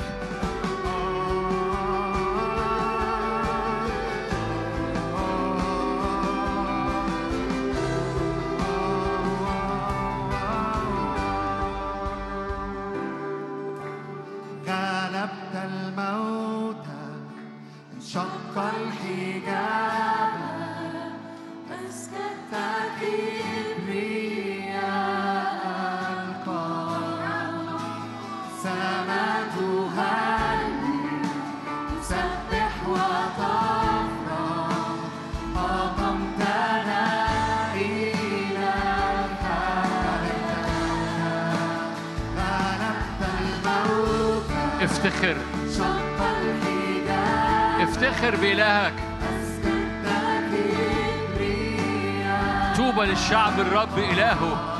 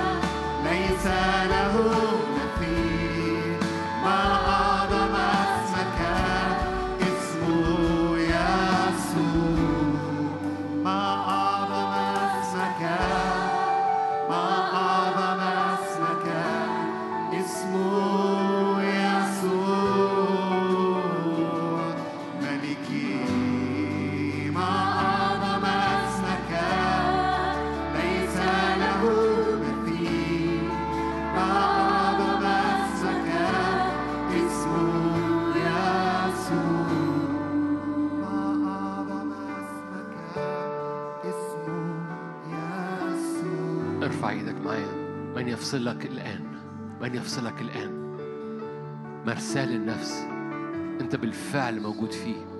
من يفصلك؟ الانفصال خدعة من عدو الخير. كذبة من الكذاب وأبو الكذاب. من يفصلك الآن؟ اعلن من يفصلك الآن؟ عن رئيس كهنتك. أنت بالفعل موجود فيه. من يفصلك الآن عن المجد؟ أنت بالفعل موجود فيه. من يفصلك الآن عن القوة لأنك أنت بالفعل موجود فيه؟ من يفصلك الآن عن الغلبة وإخضاع الأمور في حياتك لأنك بالفعل موجود فيه؟ من يفصلك الآن عن الدخول إلى الراحة لأنك بالفعل موجود فيه؟ من يفصلك الآن عن ال... عن إن أرضك تفيض لبن وعسل مش أرض شوك وحسك لأنك بالفعل موجود فيه وهو دخل إلى مداخل الحجاب إلى أرض تفيض لبن وعسل. من يفصلك الآن؟ اعلن معايا. حارب بسيف الروح اللي هو كلمة الرب إنه واعلن من يفصلني الآن؟ من يفصلني الآن؟ أنا بستقبل أنا بمد رجلي وبخش. أصعد وأمتلكها. أنا لست للارتداد. اعلن معايا. أنا لست للارتداد. أنا لست للارتداد. أنا للتقدم لقدام. أنا رجلي تتحرك لقدام. أنا اللي مش بيقف في الدوار. أنا لا يعاني من دوار وعمال بيلف في نفس النقطة. أنا بتقدم للأمام. أنا لست للارتداد. من يفصلني الآن؟ من يفصلني الآن عن رئيس كهنتي؟ هللويا. من يفصلني الآن؟ اعلني معايا عن كل القوة عن النعم عن المجد لأنه قد أكمل إلى الأبد المقدسين. من يفصلني الآن؟ من يفصلنا الآن مع حبة الله التي لنا في المسيح يسوع؟ من يفصلني الآن؟ هللويا. عن المعجزة اللي ليا في المسيح. من يفصلني الآن؟ عن الغلبة والنصرة والقداسة اللي في قلب الرب ليا. من يفصلني الآن عن الدخول إلى هذه الأرض؟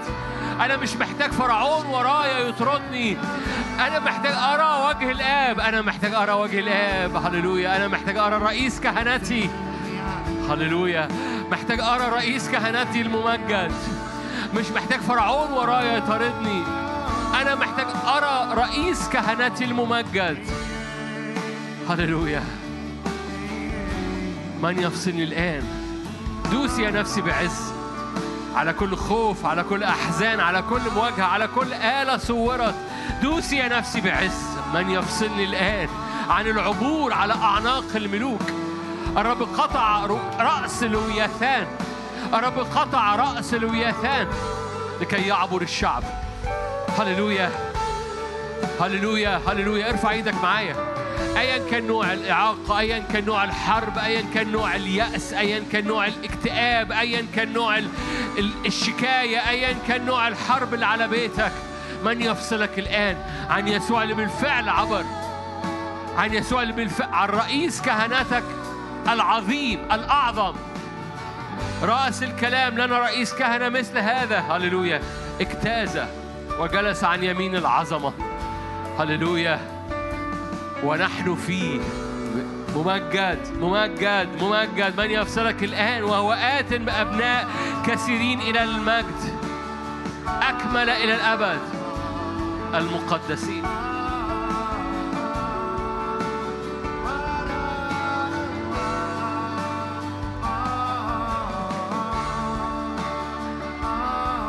من يفصلك الآن عن المعجزة؟ هللويا.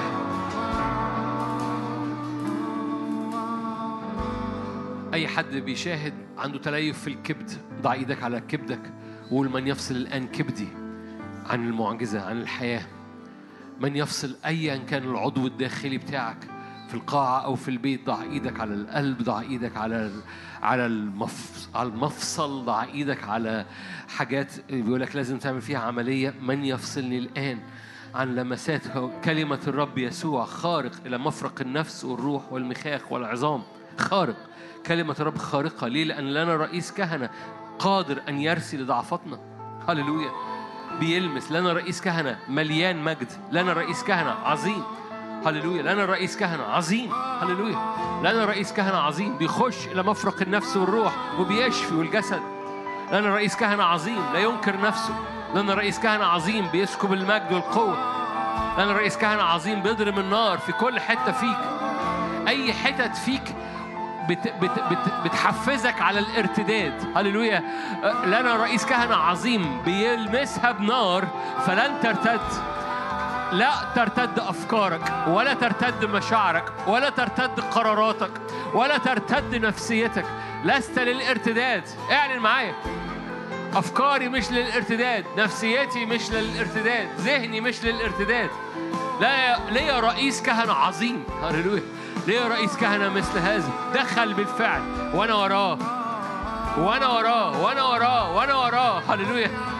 ليا رئيس كهنة عظيم دخل بالفعل وأنا وراه؟ ليا رئيس كهنة عظيم غالب وأنا وراه؟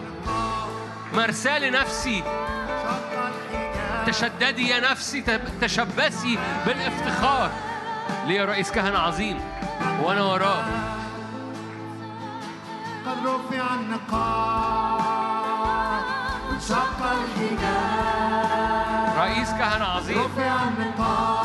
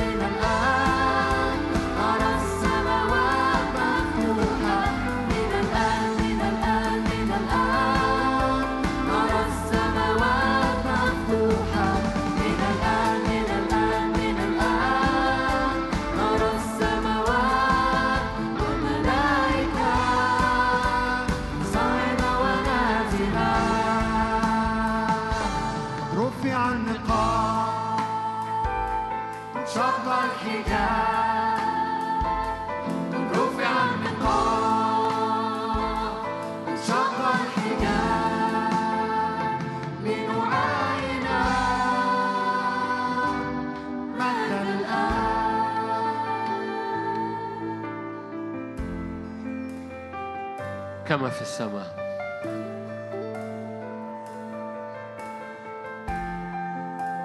أيامكم كأيام السماء على الأرض. لأن رئيس كهنتنا يخدم في السماء. ونحن معه وفيه نخدم في السماويات. قد أتيتم إلى مدينة سماوية إلى أورشليم السماوية. إلى دم رش يتكلم أفضل من دم هابيل. ربوات محفى الملائكة أرواح أبرار مكملين في السماويات. إلى الرب ديان الجميع. قد أتينا إلى محفل حضور. مليان مسحات مليان ودائع مليان مجد مليان شفاء مليان تكليفات مليان مسحات. حرك حضورك وحرك مسحاتك في هذا المكان. الآن على راس كل واحد وواحدة نعم باسم الرب يسوع إنه وقت المعجزة بدون وضع يد إنه وقت جمرات حركة ملائكية مليانة مسحات ومليانة ودائع ومليانة تكليفات تنسكب على راس كل واحد واحدة فينا. قد أتينا إلى مدينة سماوية قد أتينا إلى أرواح أبرار قد أتينا إلى كنيسة أبكار قد أتينا إلى دم يسوع الذي يتكلم. أفضل من دم هابيل دم رش. إلى يسوع وسيط العهد الجديد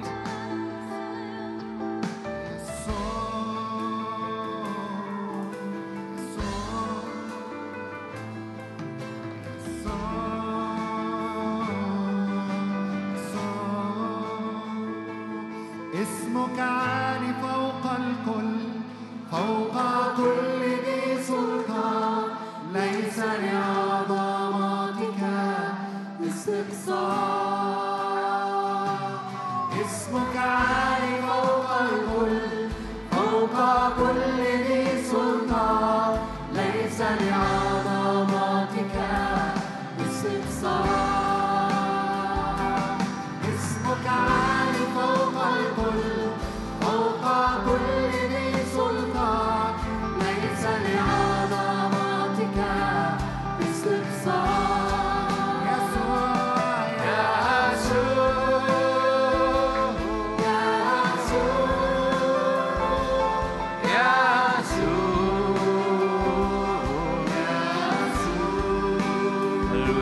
كهنة. رئيس كهنتنا الأعظم.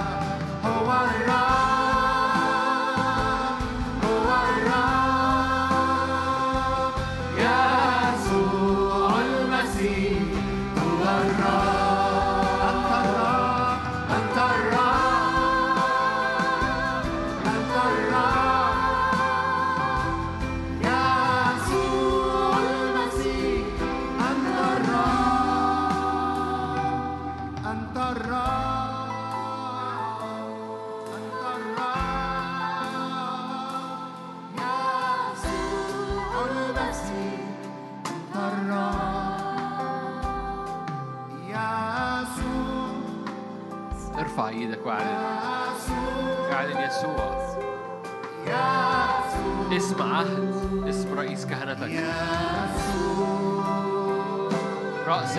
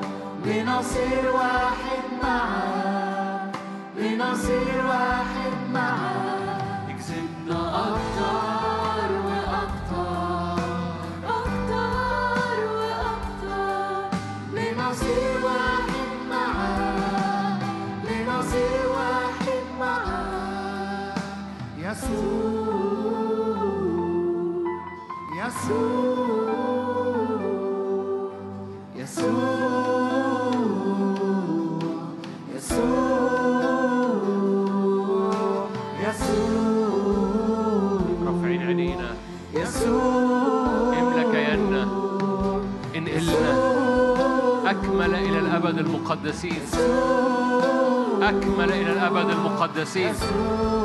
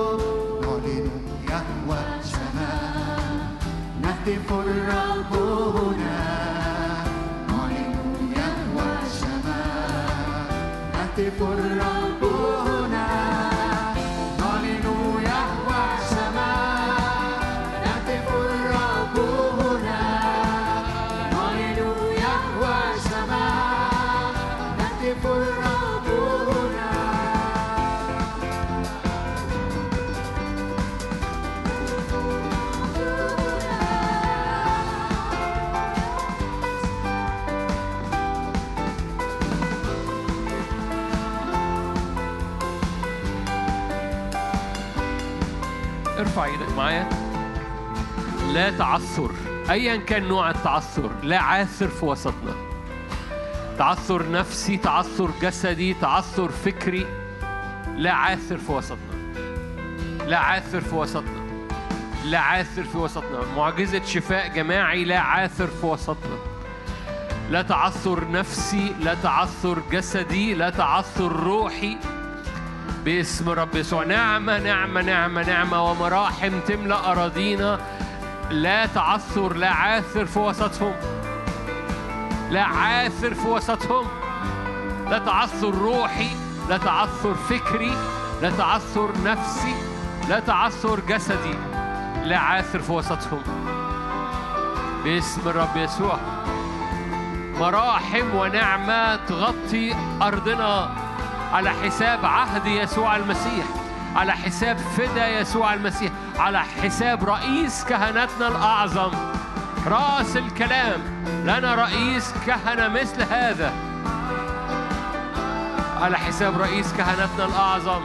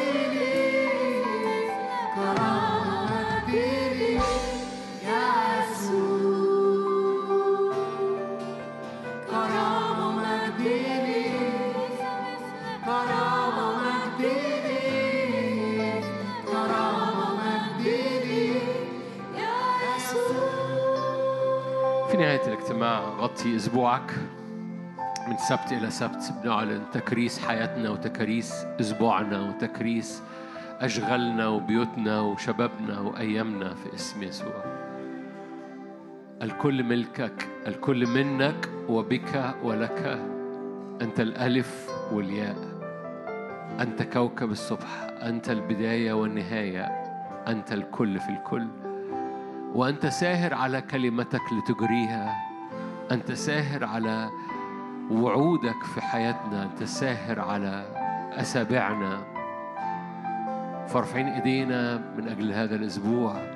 غطي كل حاجة أيامنا أشغالنا بيوتنا حياتنا. غطي الكل. دم العهد بحضورك باسمك وبمجدك في اسم الرب يسوع. باسم يسوع. افتح أبواب البركة على بلدنا. افتح أبواب البركة على بلدنا. من حيث لا تدري بلدنا افتح أبواب بركة. افتح أبواب البركة من أجل تتميم القصد على بلدنا. افتح أبواب البركة من أجل شعبك اللي في البلد. افتح أبواب البركة على بلدنا من أجل من أجل مقاصدك ومن أجل شعبك اللي يعرفك واللي ما يعرفكش. لأنك تمطر على الأشرار والأبرار تسكب على الظالمين والأبرار افتح أبواب البركة على بلدنا من أجل تتميم القصد. افتح قوة السماوات من حيث تدري بلدنا ومن حيث لا تدري من حيث تستاهل أو ما تستاهلش. افتح أبواب البركة والنعمة والمراحم على بلدنا في اسم الرب يسوع. من أجل مخازن يوسف التي تشبع باقي الأمم. من أجل مخازن يوسف التي تشبع باقي الأمم. في اسم الرب يسوع. محبة الله الآب نعمة ربنا يسوع شركة وعطية الروح القدس تكون معكم تدوم فيكم. من الآن والأبد آمين.